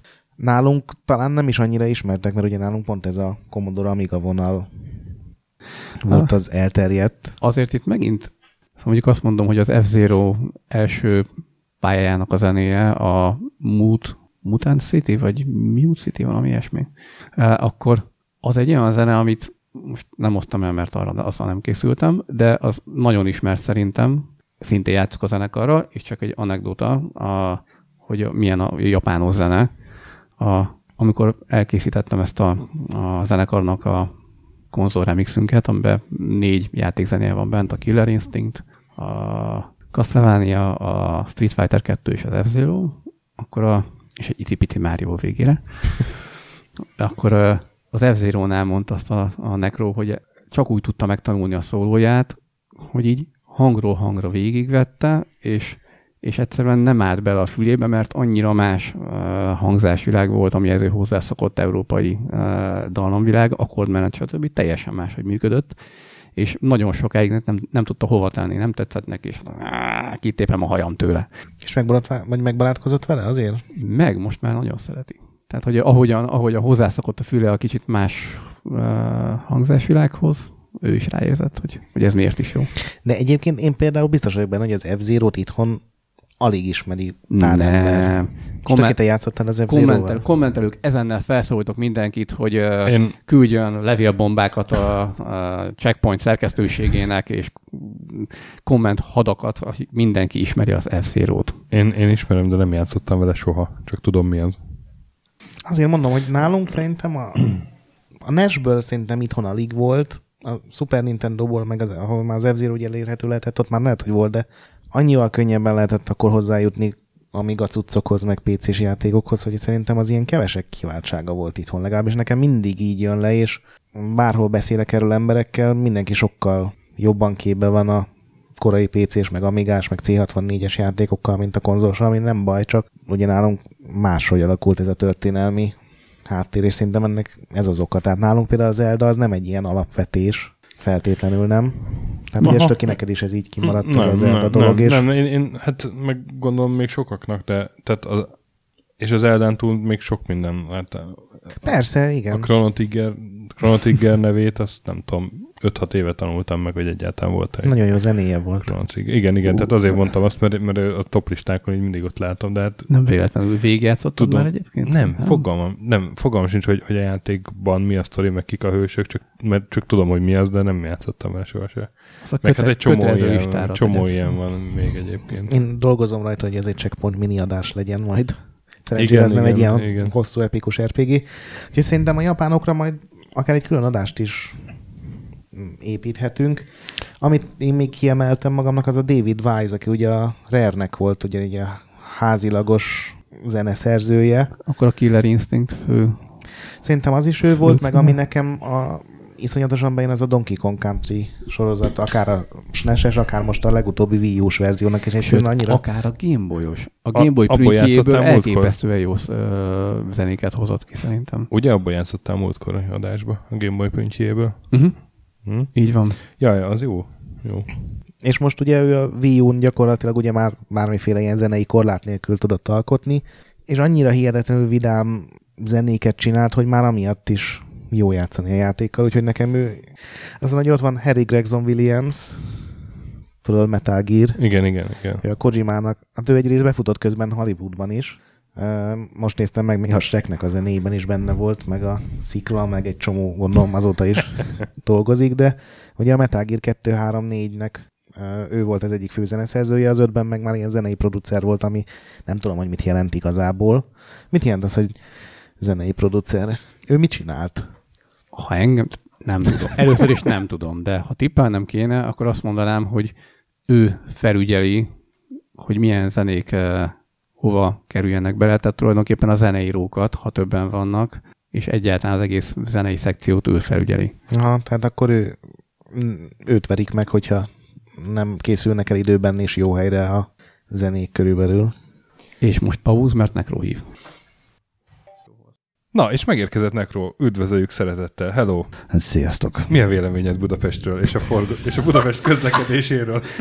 Kisipoljátok? Mondjad. Mondjad, ahogy érzed. Az meg ez a tetőváros, hogy nem is tudom, hogy hol kezdjem. Tehát eh, kezdjük mondjuk az informatikánál, jó, mert úgyis egy ilyen, ilyen ö, kockasz, kockaszerű, kocka közeli dolog. Kockaszt. Kockaszt. Amit egyébként büszkén vállalok, tehát én is kocka vagyok. Műsor, tehát eleve ott kezdődik az egész, hogy megnézed, mint szerencsétlen kis vidéki gyerekként, aki hozzá van szokva, hogy elindulsz, mit tudom, x óra, x perckor, van, mit tudom én, 40 kilométer, azt megteszed 25 perc alatt, igaz? Vagy 30. Rászámoltam másfél órát. És ö, megnéztem előtt, hogy kb. hol kellene menni. Szépen tudod tartottam ezt a dologhoz, az oké, okay, de a szájba rakott tízében interneten nincs fent az, hogy fel van turva két oldalt a izé Hungária. Igen. Érted, ha lemész a, a, az egyik oldalról, akkor ugyanúgy még a, a visszakemeled a következő csomópontnál, teljes halál. Úgyhogy nem, nem tudom, hogy bírjátok idegekkel. Mondj- Mondjatok valamit, ti, ti vagytok pestiek. Én most jöttem be a héten először. Én vidéki vagyok. Így könnyű túlélni. Én öt percre akkor minden gyalog. Úgyhogy én, És csak gyalog mozogsz. én, én, én egyszerűen ilyen szerencsés vagyok, én úgy bírom. Hát most oké, ez így könnyű. Meghekkeltük a várost. De miért most? És miért nekem? Oké, okay, tehát akkor uh, azért gyűltünk össze, hogy Verdinek tönkretegye a műsorát. Na, el, elmondom, mi volt eddig. Beszéltünk a, a, az Amiga zenékről, kicsit a konzol zenékről, kicsit PC zenékről, amiről így sokat lehetne beszélni, és még egyáltalán nem beszéltünk, és megvártunk vele, és igazából az utolsó fél óra így a tiéd lesz valószínűleg a Commodore 64-es zenék. Voltak ilyenek? Illetve nem is a zenék maguk, Te, nem, nem tudom, miről beszélsz. nem is maguk a zenék, hanem, hanem ilyen komponisták, emberek, embereket és munkásságokat Emberek nem voltak, robotok írták fel. mind. Tehát, tehát ilyen híres ö, C64-es komponisták, kat még nem nagyon emlegettünk, talán Jorunten volt az egyetlen. Mr. Tell. Na, Na, tell me more. hol kezdjük? Kezdjük ott, hogy mondjuk a Szicsiп az miért jó pofább, mint a... Azt elmondtátok múltkor? Azért, Nem. mert lehet vele, de, Nem, azért, nem, de, de nem, nem. azért, mert lehet vele fát fűrészelni. Nem, nem mentünk bele. Tehát, Akkor lesz még egy adás, ugye? na, az a lényeg, hogy azért szól másképp a SID, mint bármi más abban az időben, mert a SID chipet azt egy zenész tervezte. Mr. Bob Jansnak hívják, igen, az ur- urat, és az a, a helyzet, hogy ő, olyan szinten csinálta a zenélést, meg azt az egész ilyen stúdiós dologban annyira benne volt, hogy ö, például az Emerson Lake Palmer nevű progresszív rock zenekarnak ő jegyzi az egyik számát. Tehát tök évben van abban, hogy ö, mi az, ami megszólal egy ö, zenekari környezetben, mi az, ami jól szól, hogy kell egy, ö, egy ilyen soundot rendesen megcsinálni, és ö, ugye ellentétben az összes többi ö, hangcsip tervezővel, ő nem egy funkcionális csipet tervezett, hanem tök tudatosan ő erre egy szintet akart építeni. És sokkal nagyobb ö, ö, lett volna a kapacitása ennek a chipnek eredetileg, mint ami végül lett. Ugye ö, ezt mindenki ismeri ezt a, a dolgot, amikor valamit elterveznek, kitalálják, és akkor a végén meg lesz belőle egy ilyen erősen megnyírbált dolog. Tehát ö, itt is valami olyasmiről ö, volt szó. Tehát az ember megtervezett egy ferrari mondjuk így, és amikor elkezdték így tervezgetni a gépet, akkor kiderült, hogy hát ez olyan ladaszerű lesz kb. vagy még olyan sem.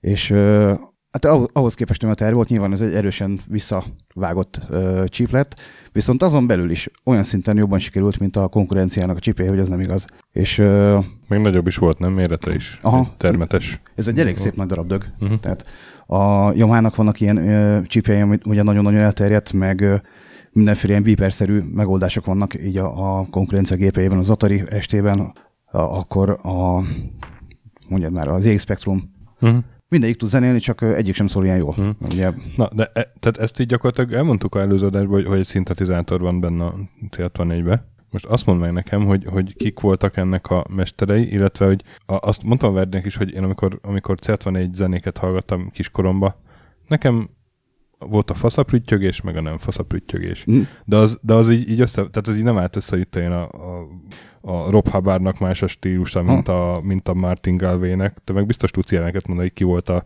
ki volt a metálosabb, meg ki volt a Na, akkor dallamosabb. Csak figyeljél rá, hogy ne Jerontelt mondja, hanem Jurontel. Jorun. Mr. Tell, én nem szoktam ezzel szórakozni. Ugye, ne, nem vagyok holland. Ugyanúgy, mint hogy a Rain Overhandet is valahogy így mondják. Jó mond- mondják Rainnek, mondják Ryan-nak, mondják Rain, mondják Roin. Nem, mit tudom én. Tehát Mr. Overhand. Nem? Az biztos, hogy így van. Persze. Na, akkor, hogy mi különbözteti meg a, a nagyon rossz uh, szidet a nagyon jótól? Hát egy jelentős méretű IQ az mögött, amit ugye beletolnak. Mert a Commodore 64 nincs az, hogy hát még beletolok még, még egy mit, mit tudom, megatonna ramot, még írok egy izé 40 tonnás kódot, stb. Hanem Van 1 MHz, az a maximális sebessége, 61 KB, az a maximális ö, ö, memória, és ezt most vagy kihasználod jól, vagy nem. És ö, ezek az arcok, akik ö, ennyire nagyon jók voltak benne, ugye az a különbség a, a, azok között, akik nem voltak nagyon jók benne, hogy ö, ők egyrészt ö, olyanok voltak, mint egy ilyen versenymérnök egy Forma 1 csapatnál, tehát az adott kis hardvert, az adott szabályokat iszonyú jól kihasználták.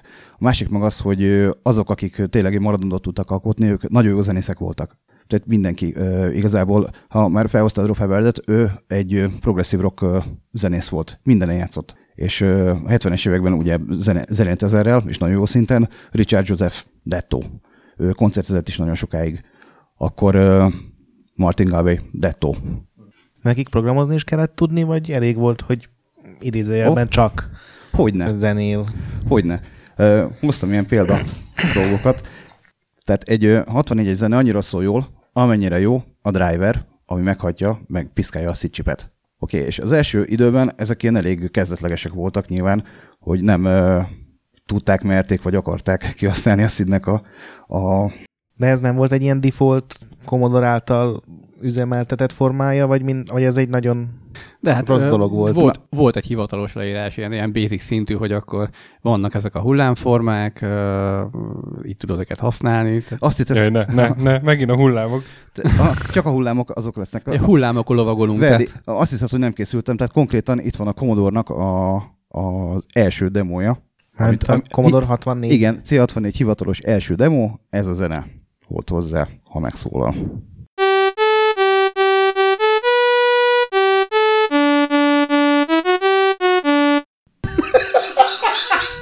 Hát a Jurassic Parkban azon. Aha, tehát ez az első ö, megjelent Commodore 64 zenék közül a, mit tudom, a harmadik vagy negyedik. Az első kettőt nem volt pofán behozni, mert konkrétan lerohadt volna a mikrofon, hogyha lejátszom. na, ez, ez volt leírva a könyvben. De ezt így dicsekedve bemutatták, hogy még erre is képes a mi gépünk? Végre ez egy ilyen tech demo volt. Na most figyelj, ki csinál tech demókat abban az időben? Hát ilyen mérnök emberek. Mérnök ember, hogy kis hamisan szó, tök mindegy. Kicsit ilyen prüntyi-prüntyi, kicsit jobban szól, mint az Atari, hát jó lesz. Kicsit jobban szól, mint az ZX Spectrum, hát jó lesz, oké. Okay. De ö, szerencsétlen Bobjansznak a fejét képzeld el, amikor megtervezte azt, hogy 32 csatorna. Ö, meg, meg minden érted, egy csomó ilyen regiszter lett volna benne, kevert hullámformák, stb. És akkor kijön három csatorna, és meghallja az öreg ezt, hogy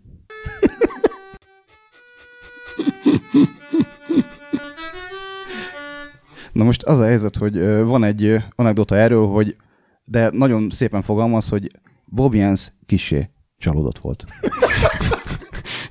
El is mondtam, ez mindent, ugye? Tehát. Szóval kicsit csalódott volt az arc, Ö, 82-ről beszélünk. Viszont 82-ben már mertek ö, szemétkedni a szétcsíppel, ugyanis nem tudom, Verdi majd, hogyha lesz ö, Wizard of War bajnokság Állatpartin, akkor majd Ó, megyünk. igen. Tehát a Wizard of War 82-es. Ez egy- azaz.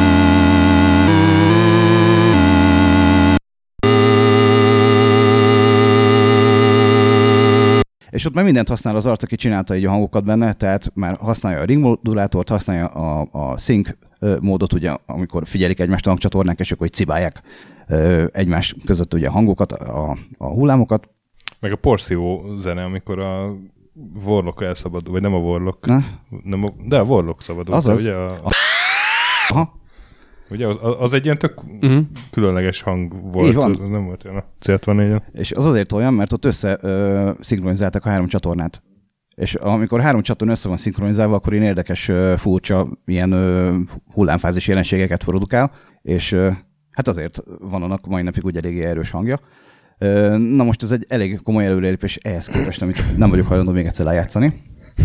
Hosszú ideig ugye ilyen programozó arcok csináltak zenét 64-re. Zenészek igazából nem. És ö, még maga a zene kódolás is ilyen nagyon-nagyon kezdetleges volt. Tehát az első időben így éppen hogy csak túléltek mondjuk a játékok a, a zenei ö, dolgokat. Hogyha szerencséje volt az illető játéknak, akkor tényleg egy olyan, olyan formát bíztak meg vele, aki tudott is valamit úgy, úgy kezdeni zenéleg, tehát legalább zeneileg rendben volt. Mutatok ilyet. Egy Paul, Paul Hanson nevű ö, úr, Super Pipeline című játéknak a zenéjét csinálta.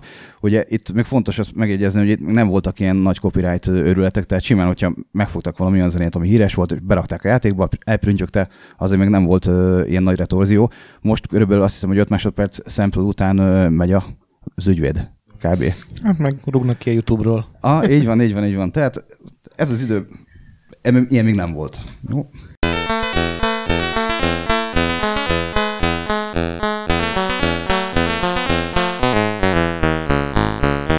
Most, hogy mennyi volt egy játékban a szükséges zene, ez egy darab kör volt. Ezt játszott a körbe órákon keresztül a game. Azért ez nem egy Settlers. Ah. Nem. Nem egy Settlers. Meg nem is De ez az Skyrim. egész volt? Nem, ennek van körülbelül 12 darab ö, zenéje, tehát van egy csomó másik fajta is. Hogy ez a szám, ez ennyi volt, és ez... Aha, ez ennyi. Kész. És ezért felmarkolta az ember a pénzt, ami egy elég jó pénz volt. Na, na jó, de ezt senki se tud, tudott akkor van zenét programozni. Tehát ők megírták a saját kis driverüket, megcsinálták a saját kis hangzásvilágukat. Egyébként nem tudom, figyeltétek-e, hogy ez már legalább kétszer olyan jó szólt, mint az előző. Ez is ilyen kis prüntyi-prüntyi, de legalább, mert volt benne valami.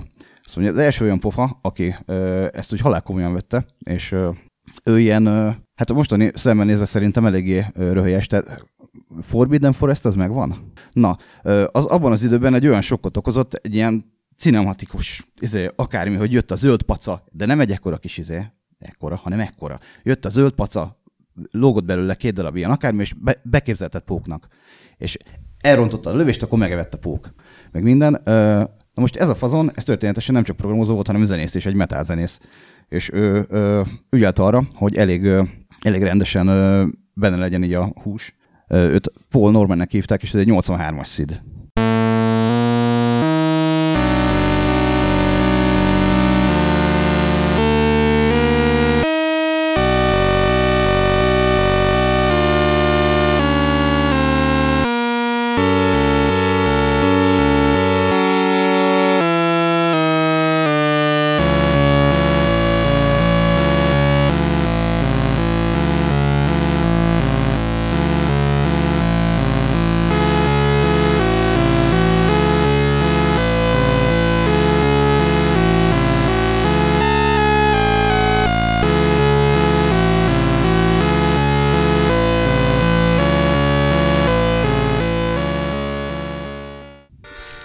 Az író horror hangulatot akart kelteni.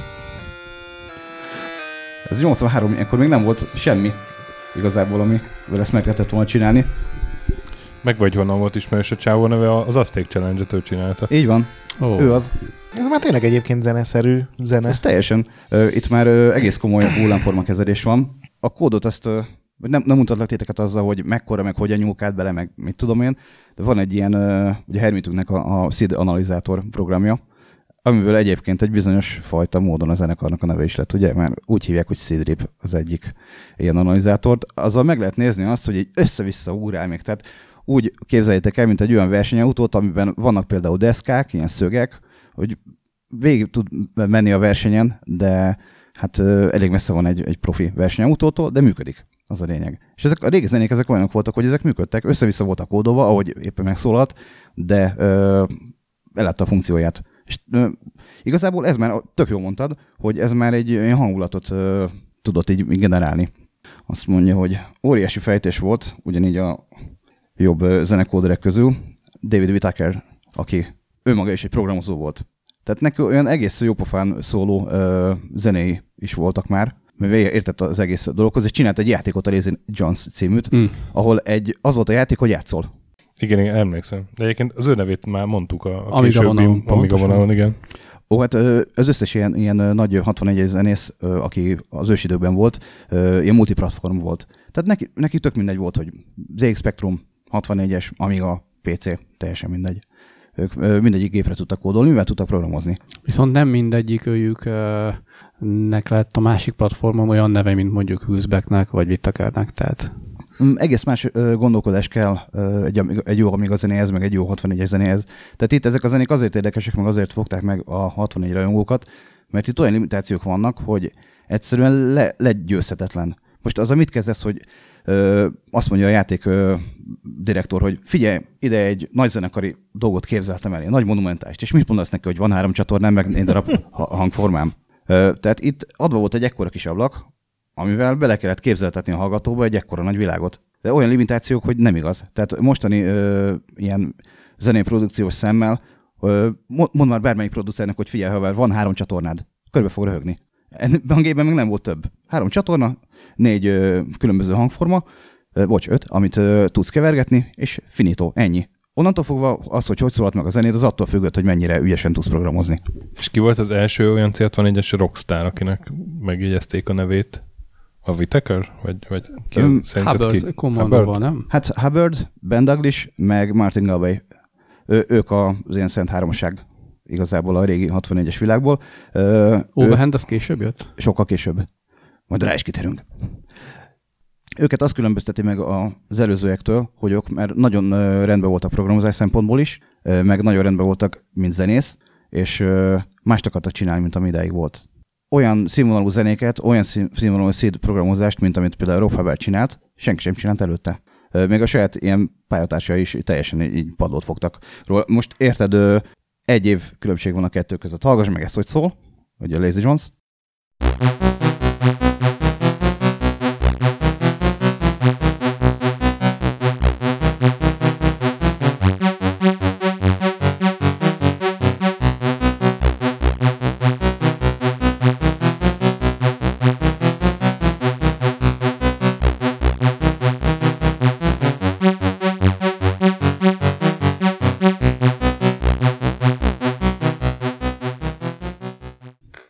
1984.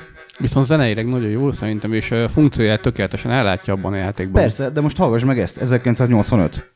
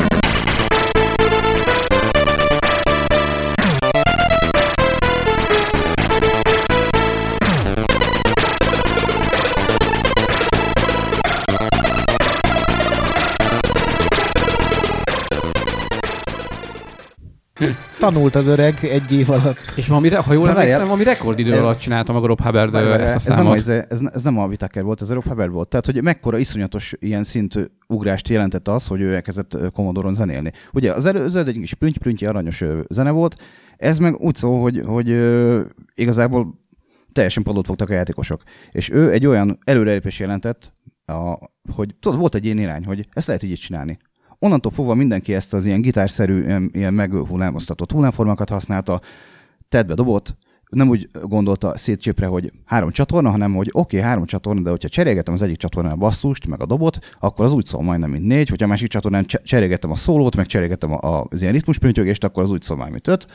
És ö, olyan terített meg ilyen- vastag zenéket kezdtek el csinálni, hogy tényleg így De ez ugyanaz, mint ugye akkor még a grafikusok is ugyanúgy, hogy egy játékban láttak egy osztott képernyőt, vagy egy, egy jó scrollozó rutint, vagy bármi, és Mhm, így akkor van. ugye hű, ez rohadt jó, ezt én is megcsinálom, plusz még rárakok egy valami extrát, gondolom, akkor a zenészeknél is ugyanígy mehetett ez. Abszolút, -e. nagyon jól inspiráltak egymást, meg ö, lehet, hogy volt ilyen egymásra a csarkodás, meg dumálás, például a Last Ninja-ban volt egy olyan ö, ö, kód részlet, tehát kinyitod a Last Ninja-nak a, a zenét, és várja, hogy az Anthony Lee írta be kódban. Tehát benne van az ESCII kódban, kinyitod, és akkor el lehet olvasni, hogy talán Rap Hubbard, we eat your heart out. Azért a forráskódban való üzengetés az egy Aha. eléggé kocka dolog, ahogy mondtad. Persze, de ők képben voltak ezzel, tehát ö, kinyitotta az adott zenét miután, vagy az adott programot, mint lefrizelte, hogy itt mert közben meg lehetett állítani a programkódokat 64 tök könnyen. Ránézett, hogy mi a zenei rutin, meglette, és akkor így röhögött rajta. De nem biztos, hogy Verde volt, le, lehet, hogy valaki más. De lényeg az, hogy üzengettek így egy- egymásnak, oké? Okay?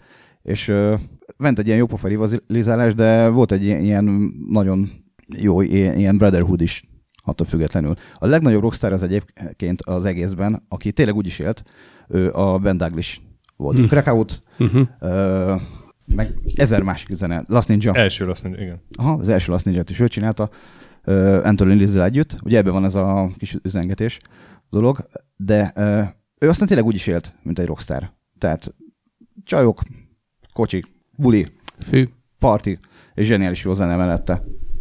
Meg ő mai napig koncertezik ilyen mindenféle, tehát hol a Press Play on téppel, hol a, a Last Ninja Musicology, Így van. a Fast loaders ő, ő egy, ilyen, egy ilyen zenész arc maradt, úgy hülye az ez a céltól. Pontosan. Ö, Nekünk is írt egyébként e-mailen, hogy egyszer majd, ha úgy alakul, akkor a Krakautnál nagyon szívesen fölpatanna a színpadra.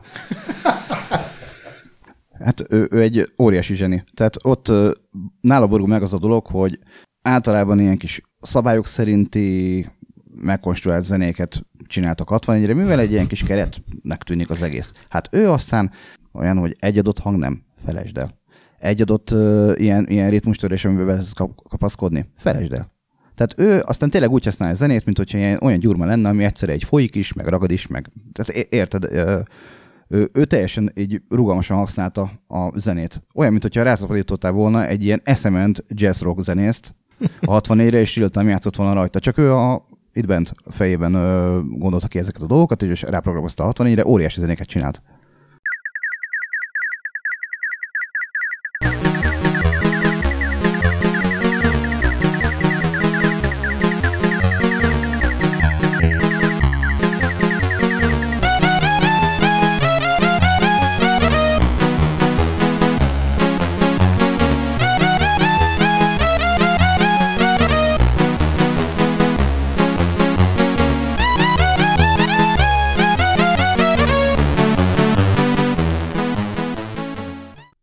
És akkor a harmadik, hogy mondták Galvé, ő ugye a, a Green Beret, amit ti is feldolgoztatok, meg a van. Wizball, ez a két. Vízból de nagyon sokat csinált ő. Egy olyan mutatnék meg, ahol tanultam gitározni uh-huh. tőle. Ugyanis úgy lemodellezte a gitárnak a hangját, hogy azon gondolkodtam, hogy hogy lehet ezt megcsinálni gitáron. És van egy adott pont, hogyha a gitár hídnál pengetsz, akkor van ilyen hangja a gitárnak. Mindjárt mutatom.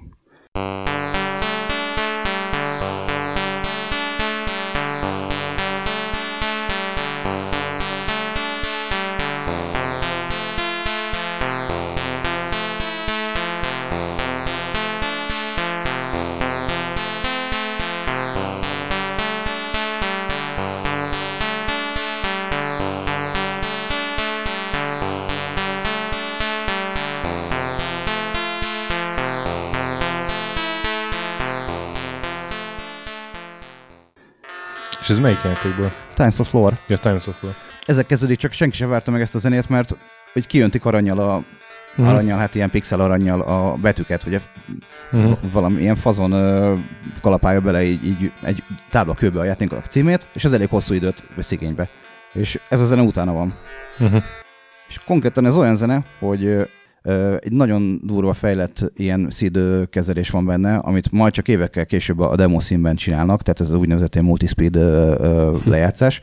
A lényeg az, hogy ez egy, anélkül, hogy belemennénk, ez egy olyan rafinált mód, ahogy, ahol azt, tehát sokkal nagyobb mennyiségű adatot tolnak bele a szidnek az agyába, mint amennyit ő, ő egyszerre fel tud dolgozni. Sokkal komplexebb hangzásokat tudnak vele csinálni. És ö, ő volt az egyik első, aki ezt, ezt használta. De halljátok, hogy úgy szól, mint egy gitár. Teljesen.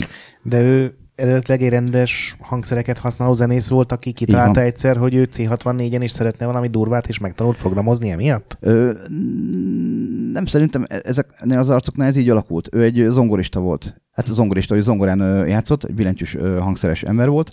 Ö, valószínűleg értekelt a programozás, és ö, az ő élettörténetét nem tudom egy centire, centire, de nagyon sok mindenkinek úgy alakult, hogy egyszer csak valahogy úgy kapott egy olyan lehetőséget, hogy mi lenne, hogyha egy programoznál, megcsinálta, jó lett és kész. És a, a tehát a, ők, azt mondod, hogy ők voltak a, az első generáció, és akkor Igen. ez a második generáció, ez volt ez a, a Overhand. Owen Hand, Hülsbeck, Matt Gray, Joruntel. Így ezek. van. Ha. Így van, ők És ők már ezektől tanultak. Ezek Igen, szerint. igen, Ha. igen. Ö, rengeteg olyan zenéjük van, ami mondjuk ö, a klasszikus Ralph Howard, ö, Martin Galway vagy Doug zenéknek a feldolgozásai, vagy pedig azt csinálták, hogy megfogták, kiszedték a zenei kódot, és megnézték, hogy mit uh-huh. piszkált benne az öreg, és csináltak ilyen úgynevezett editort, ahol ugye nem, nem egy gépi kódba írod be, hogy mit tudom én, megkeresed azt a programsort, és akkor beírsz egy nullát, hanem csinálsz egy texteditort, ami beírod a számot, és azt ő egy, egyben, vagy egyből oda rakja a gépnek az agyába, ahova Mhm. kell. És a második generációt azt különbözteti meg az elsőtől, hogy az első generáció, ők programozók voltak. Tehát ők direktben gépi kódban Gépi kódba. programoztak. Ezek az arcok, a második generációk csináltak maguknak egy ilyen editort, egy texteditort, amivel ugye jelentősen lerövidült az idő amivel meg tudnak csinálni egy zenét, mivel ö, ők nem gépi kódban programoztak, hanem ezt az editort használták.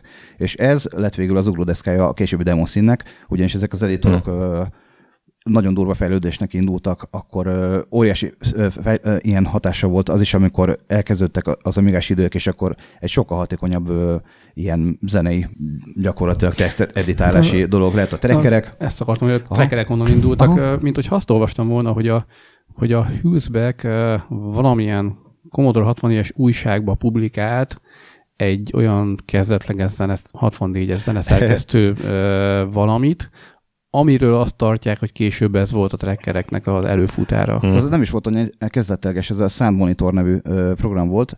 Chris rengeteg zenét csinált ezzel játékzenéket. Ez azért volt érdekes, mert egy nagyon-nagyon kis rugalmas valamit képzel el, ami nem eszik sokat. Ugye 64-nél nagyon fontos az, mivel egy megahertz a teteje, hogy mennyit eszik a zene. Abból az egy megahertz sebességből adott ilyen, ilyen idő egység alatt, hogy mennyire tereli le a gépet. És az övé az egy nagyon-nagyon ilyen, ilyen ö, takarékos volt, ezért szerették a, a játékosok, vagy a játékprogramozók. És ö, ez a kis tracker, ez egy ilyen alapmodelléül szolgálta az összes többi későbbi zenei programnak. Ugye a trükköket tekintve, amiket használt, az egész megjelenítést, azt, hogy Hmm. hogyan kell felépíteni egy jó, jó trackert. És ez egy ilyen nagyon ugrásszerű változást indított el. Ugye az összes ilyen ö, demo színén zene, igazából valamilyen trackert, vagy valamilyen ilyen kis texteditort használ mostanában. Nagyon ritka az, amikor valaki gépi kódban programoz, Mhm. de igazából elég balgaság is lenne, hiszen olyan, olyan zenei programozók vannak, mint a jó öreg Hermitünk, ugye a basszusgitáros, aki csinált egy olyan zenei szoftvert, hogy tehát ez, ez elég nehéz körül, körülírni. Egy, egyre inkább úgy tűnik, hogy a mm, mai idők standardjévé növi ki magát gyakorlatilag. Igen, ő egy nagyon-nagyon durva programot csinált, úgy hívják, hogy Ö, és egy, valamit szeretnék még itt mutatni, mégpedig, Csak nem egy saját. Ö, nem, a saját sziden belül egy dolgot szeretnék Aha. ö, így megmutatni, hogy, hogy hogy működik egy, az agya, a, a- aki mondjuk effekteket csinál, de ez egy, egy vagy két darab példa. Ö, itt az az érdekes, hogy egy ilyen tólig dolgot szeretnék megmutatni, hogy belehallgattunk abba a prüntjögésbe, hogy 82-ben csináltak, és mutattak egy olyat, ami 2015-ös zene. Uh-huh. Tehát ez, ez egy 30 év masszív fejlődés. 30? A francot, 40. Hát jó, Kb. 40, lassan, Electric Jesus lesz. Lassan, nem, nem, 35. És ebben az a szép, meg az az érdekes, hogy ugye az ősidőkben azok a, az úgymond ilyen profi ö, zeneprogramozók, akik ebből éltek, ők azért csinálták, mert pénzt kaptak érte. Ugye Mhm. ez, ez egy munka volt. A demószín azt nem azért csinálja. Ők azért csinálják, hogy meg lehet-e csinálni azt, hogy. És olyan dolgok vannak, hogy, hogy ha szerintem Bobby Jansnak magának elmondták volna, hogy cirka 40 év múlva miket fognak csinálni az ő szancsipjével, biztos, hogy így nézett volna ki a fejéből, hogy de ez, ez durvább, mint a izé vissza a jövőbe. Tehát, Csak, csak így a Margóra uh, idén jelent meg egy olyan Commodore 64-es uh, demo az X2016-os fesztiválon, Demoszín fesztiválon, amit a szenzor adott ki, és Sensor a, design. és a kreditben megemlítik a Greetingsben, a Greetings Parban ott van a Rafe, aminek nagyon örültünk, és köszönjük nekik.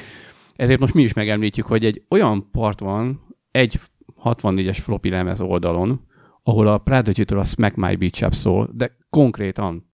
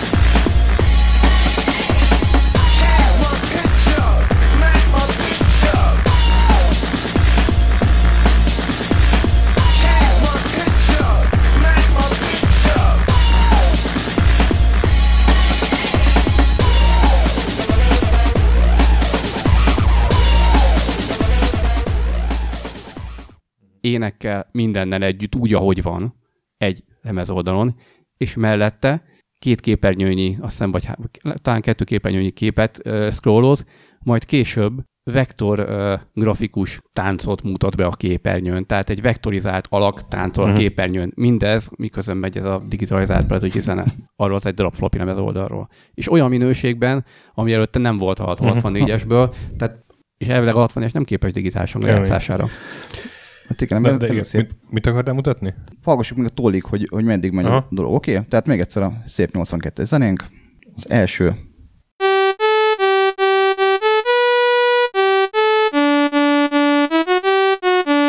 Ennek az elejéként ilyen sűs felnap volt. Tehát, igen, hasonló. Akkor most ez egy, ez egy tavalyi szid. Uh-huh. Mhm. No comment.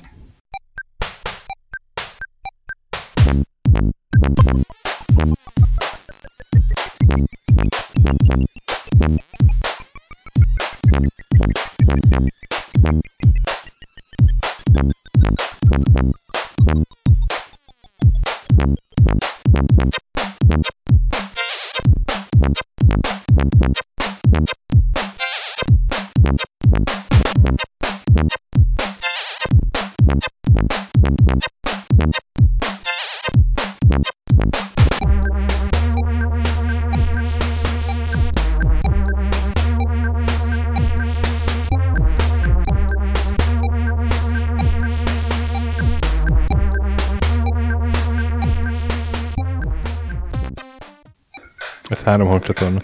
három hangcsatorna, és egy Elmen nevű óriási, zseniális ilyen, sound designer Mhm. per stúdiós per demószín ilyen híró.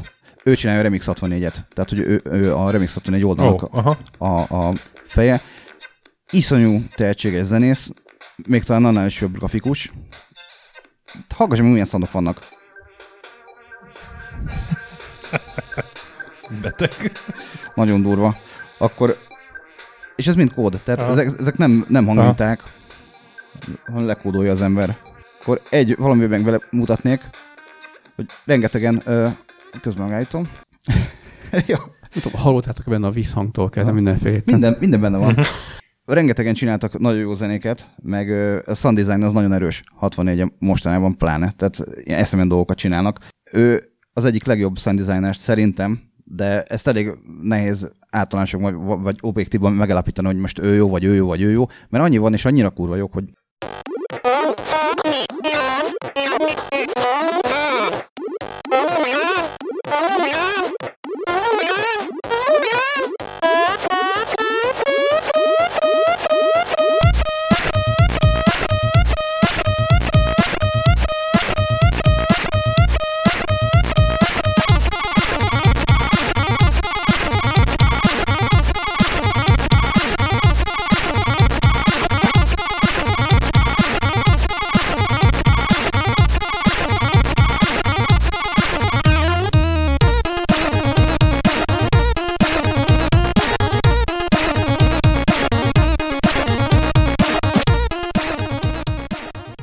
Úristen, visszavonom, nem az előző volt beteg, ez az. ez ki csinálta? Jammer. Ó.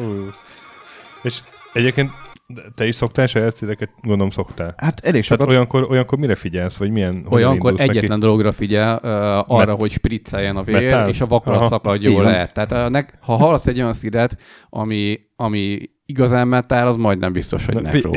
bucsozó, halljunk már egyet. Jó. Sajátot. Ö, egy, egy dolgot szeretnék egy, egy perc alatt elmesélni.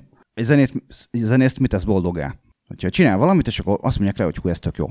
Most emlékszem, amikor elkezdtem zenélni, én ettől olyan ideges lettem, hogy jaj, de szép szám. Megfogtam, azt szétvertem a számot. Tehát ka- kazettát, ami rajta volt. Hogy mi az, hogy szép ez a szám? És azt, a, akkor éreztem, hogy úgy, most valami oké, amikor lejátszottad, és akkor e, tehát az arcon látod ezt a ezt, most ez rádióban elég nehezen fog átvenni, és akkor ez meg mi volt? Ilyet még nem hallottam. Akkor volt az, hogy igen, igen, igen. Jó, szóval minden egy zenésznek egy más az attitűdje. Teljesen. Na, azt mondja, hogy úgy, hogy lássatok is belőle valamit, akkor kimegyünk ebből a gyönyörűséges emulátorból egy másik gyönyörűséges emulátorba, ahol tudok nektek mutatni egy másodperc. Ez egy ö, 1991-es ö, editor. Az, amit mutatni fogok nektek, az 1992-ben született, a, annak az alkalmából, mivel uh, Nigel Mansell-t én akkor nagyon kedveltem, és megnyerte az F1 VB-t. Jó? Ez a világ legkisebb Forma 1 motorja. Oké? Okay? Na, azt mondja, hogy először is, De azért akkor majd egy zenét is mutat. persze, mutatok, azt mondja, hogy a 17-es V. Oké? Okay? Ennek az érdekessége, jól emlékszem, hogy, hogy Vincenzo ezt a hangot felhasználta később. Igen, egy játékban. Vincenzo hangmérnökünk. Aha. Na, ö, ugye itt olyan dolog, hogy ö, ilyen hangminták vagy ilyesmi, felejtsd el, számok vannak. Mutatom, mi történik. Először elmondom, aztán mutatom, jó? Azt mondja, hogy itt a, a, du, dur, a duration, tehát hogy ö, 6 darab ö, óraciklusig jelz le a 0D nevű hangszert. Egyszer. Tartsd ki. Glide az azt jelenti, hogy kezd el fölfelé tolni, jelz le ennyi óraciklusig, majd kezd el még jobban fölfelé tolni. Ugye minél, jobban, minél nagyobb ez a szám, annál gyorsabban emelkedik hang még kezd el fölfelé tolni, még, még, még, még, még, még, még, majd erez le. Oké? Okay? Tehát ez egy ilyen... Oké? Okay? Egy ilyen hang. Ez történik, ez mondja az egyik csatornán. Na most ez önmagában el- eléggé ilyen kis vékonykán szól, tehát ö, abból kiindulva, hogy gitáreffekteknél lehet olyat csinálni, hogy egymásra eresztesz hangokat. És egy picit eltolod őket egymástól, t- ö, el tudod képzelni, mennek így a színuszok, ha egy picikét, icipicit pár millisekundumot eltolod, akkor egy kicsit ilyen vastagabb lesz. Jó? Ö, és itt ö, tehát ez, ez a tízes nevű blokk, ő szólaltatja meg ezt a emelkedő, süllyedő hangot. A következő blokk a 07, ez is az első csatorna, oké? Okay? 07 az egy késleltető blokk. Mutatom. Ez csak elszámol kettőig, két órajel, és utána elkezdi ugyanezt játszani. Jó, itt ugyanaz történik. Elszámol ennyi órajelig, majd elkezd ugyanazt játszani, jó? Tehát ez egy darab dolog. Egy darab dologról van szó. Na, meg is mutatom neked, hogy mekkora ez a dolog. Azt mondja, 0, 2, 3, 4, 5, 6, 7, 8, 9, ABCD. Tehát ez, amit most hallani fogsz, ez ez. 1, 2, 3, 4, 5, 6, 7, 8, 16 darab byte, 16 darab betű. Oké? Okay? Jó.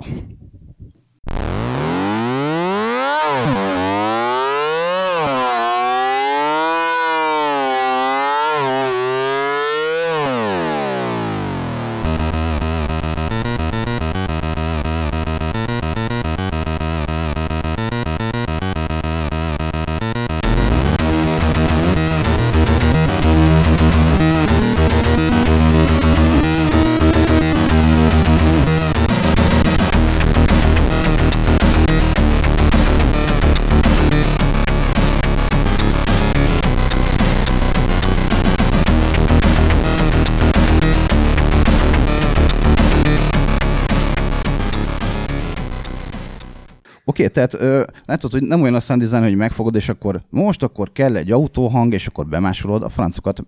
Ö, elkezded így fejben felhatni, hogy az a hullámforma kb. hasonlít egy F egy autónak hangjához, hogy uh-huh, És, és ezt te csináltad? Igen. Ezt a, hm? ö, 92. sü, süveg emelem. emelem. Várjál, akkor ha még belefér az időbe, megmutatom a világ legkisebb lovát.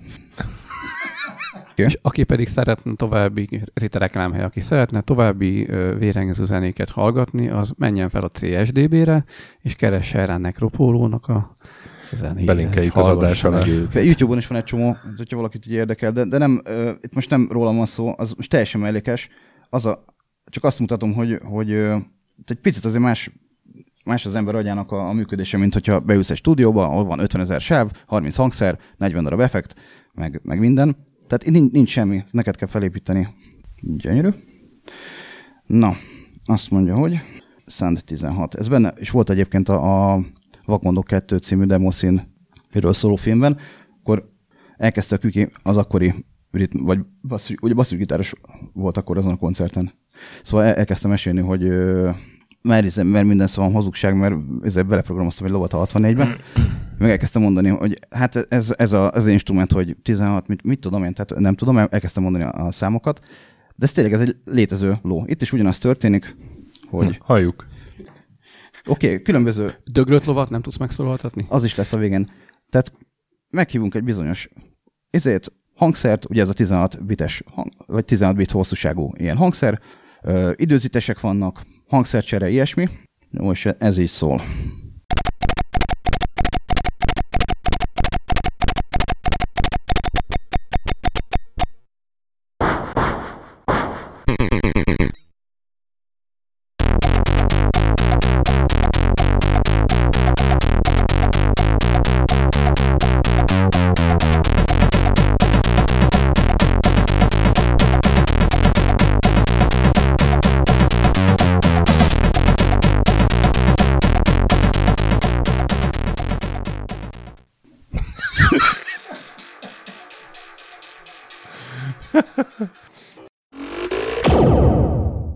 Hát addig beszélgettük, meg hallgattunk itt zenéket, amíg ránk estedett a stúdióba. Annyit még mondjatok el, hogy a legutóbbi találkozásunk óta mi, mi történt veletek?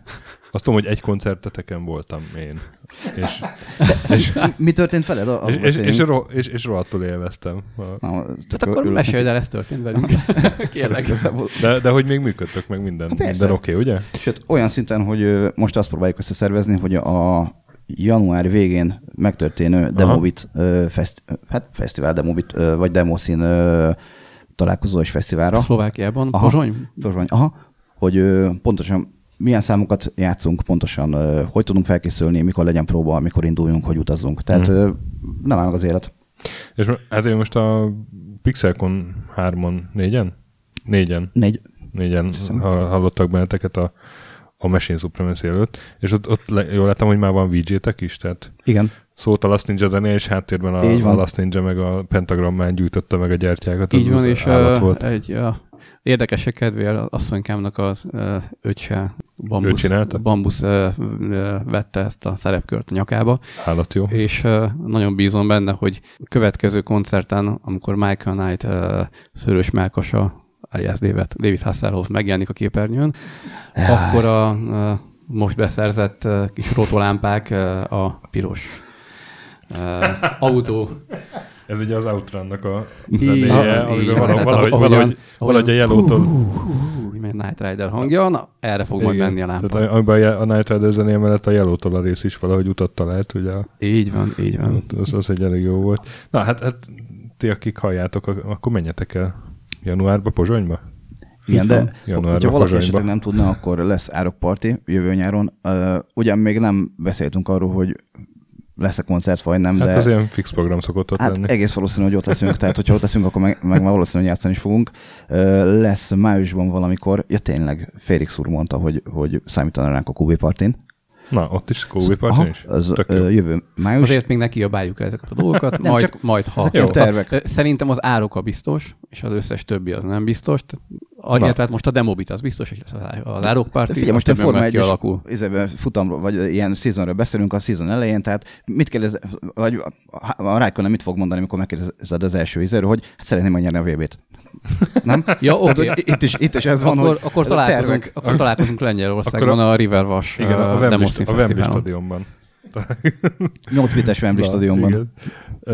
Ti, és hát köszönjük nektek, hogy segítettetek a nem tudom, elmúlt évtizedek nagy zeneszerzőit felemlegetni, ti pedig, akik hallottátok, és hiányzott esetleg egy kedvencetek, kommenteljétek be nyugodtan. Még ha csak egy hiányzott volna. Szerintem nagyon sokra, igen, még, még Te 50 ezer darab szíd van, és legalább, izé- legalább 200 darab olyan, olyan zeneszerző, akiről szerintem adásonként tudnék egy adást Aha. beszélni. Már annyira érdekes, amit csinálnak. Hát milyen ilyen bő másfél órában megpróbáltuk a lehetetlent, de igazából csak ízelítőt tudtunk adni. Jövő héten jövünk Checkpoint Minivel, két hét múlva pedig még egy vendéges adás, talán még idén belefér. Biztos belefér, de szerintem csináljunk majd a harmadik évadban is egy zenés adást, amikor megpróbáljuk úgy kezelni, hogy legyen hosszabb, senkinek ne kelljen elfutnia. Jó van, akkor jövőre még lehet, hogy találkozunk veletek. Állunk elébe. Csak egy dolgot kérek, hogy a, a, helyzet, a Ne- budapesti Ne Budapestre szervezzük. Aha, egyrészt má, Viogó, viogó, hogy meg rendőrautót küldjetek Necro elé, aki ide fogja kísérni. másrészt ne így hekeljétek meg a, a, helyzet, a, a közlekedést, légy szíves, jó? Mert vágom, hogy jót akartatok, csak nem arra mentem. Na, szóval a, a nagy pixel gyönyörű, a szit hangja az meg pláne, és akkor legyetek velünk következő adásnál is. Sziasztok! Sziasztok! Sziasztok! Sziasztok!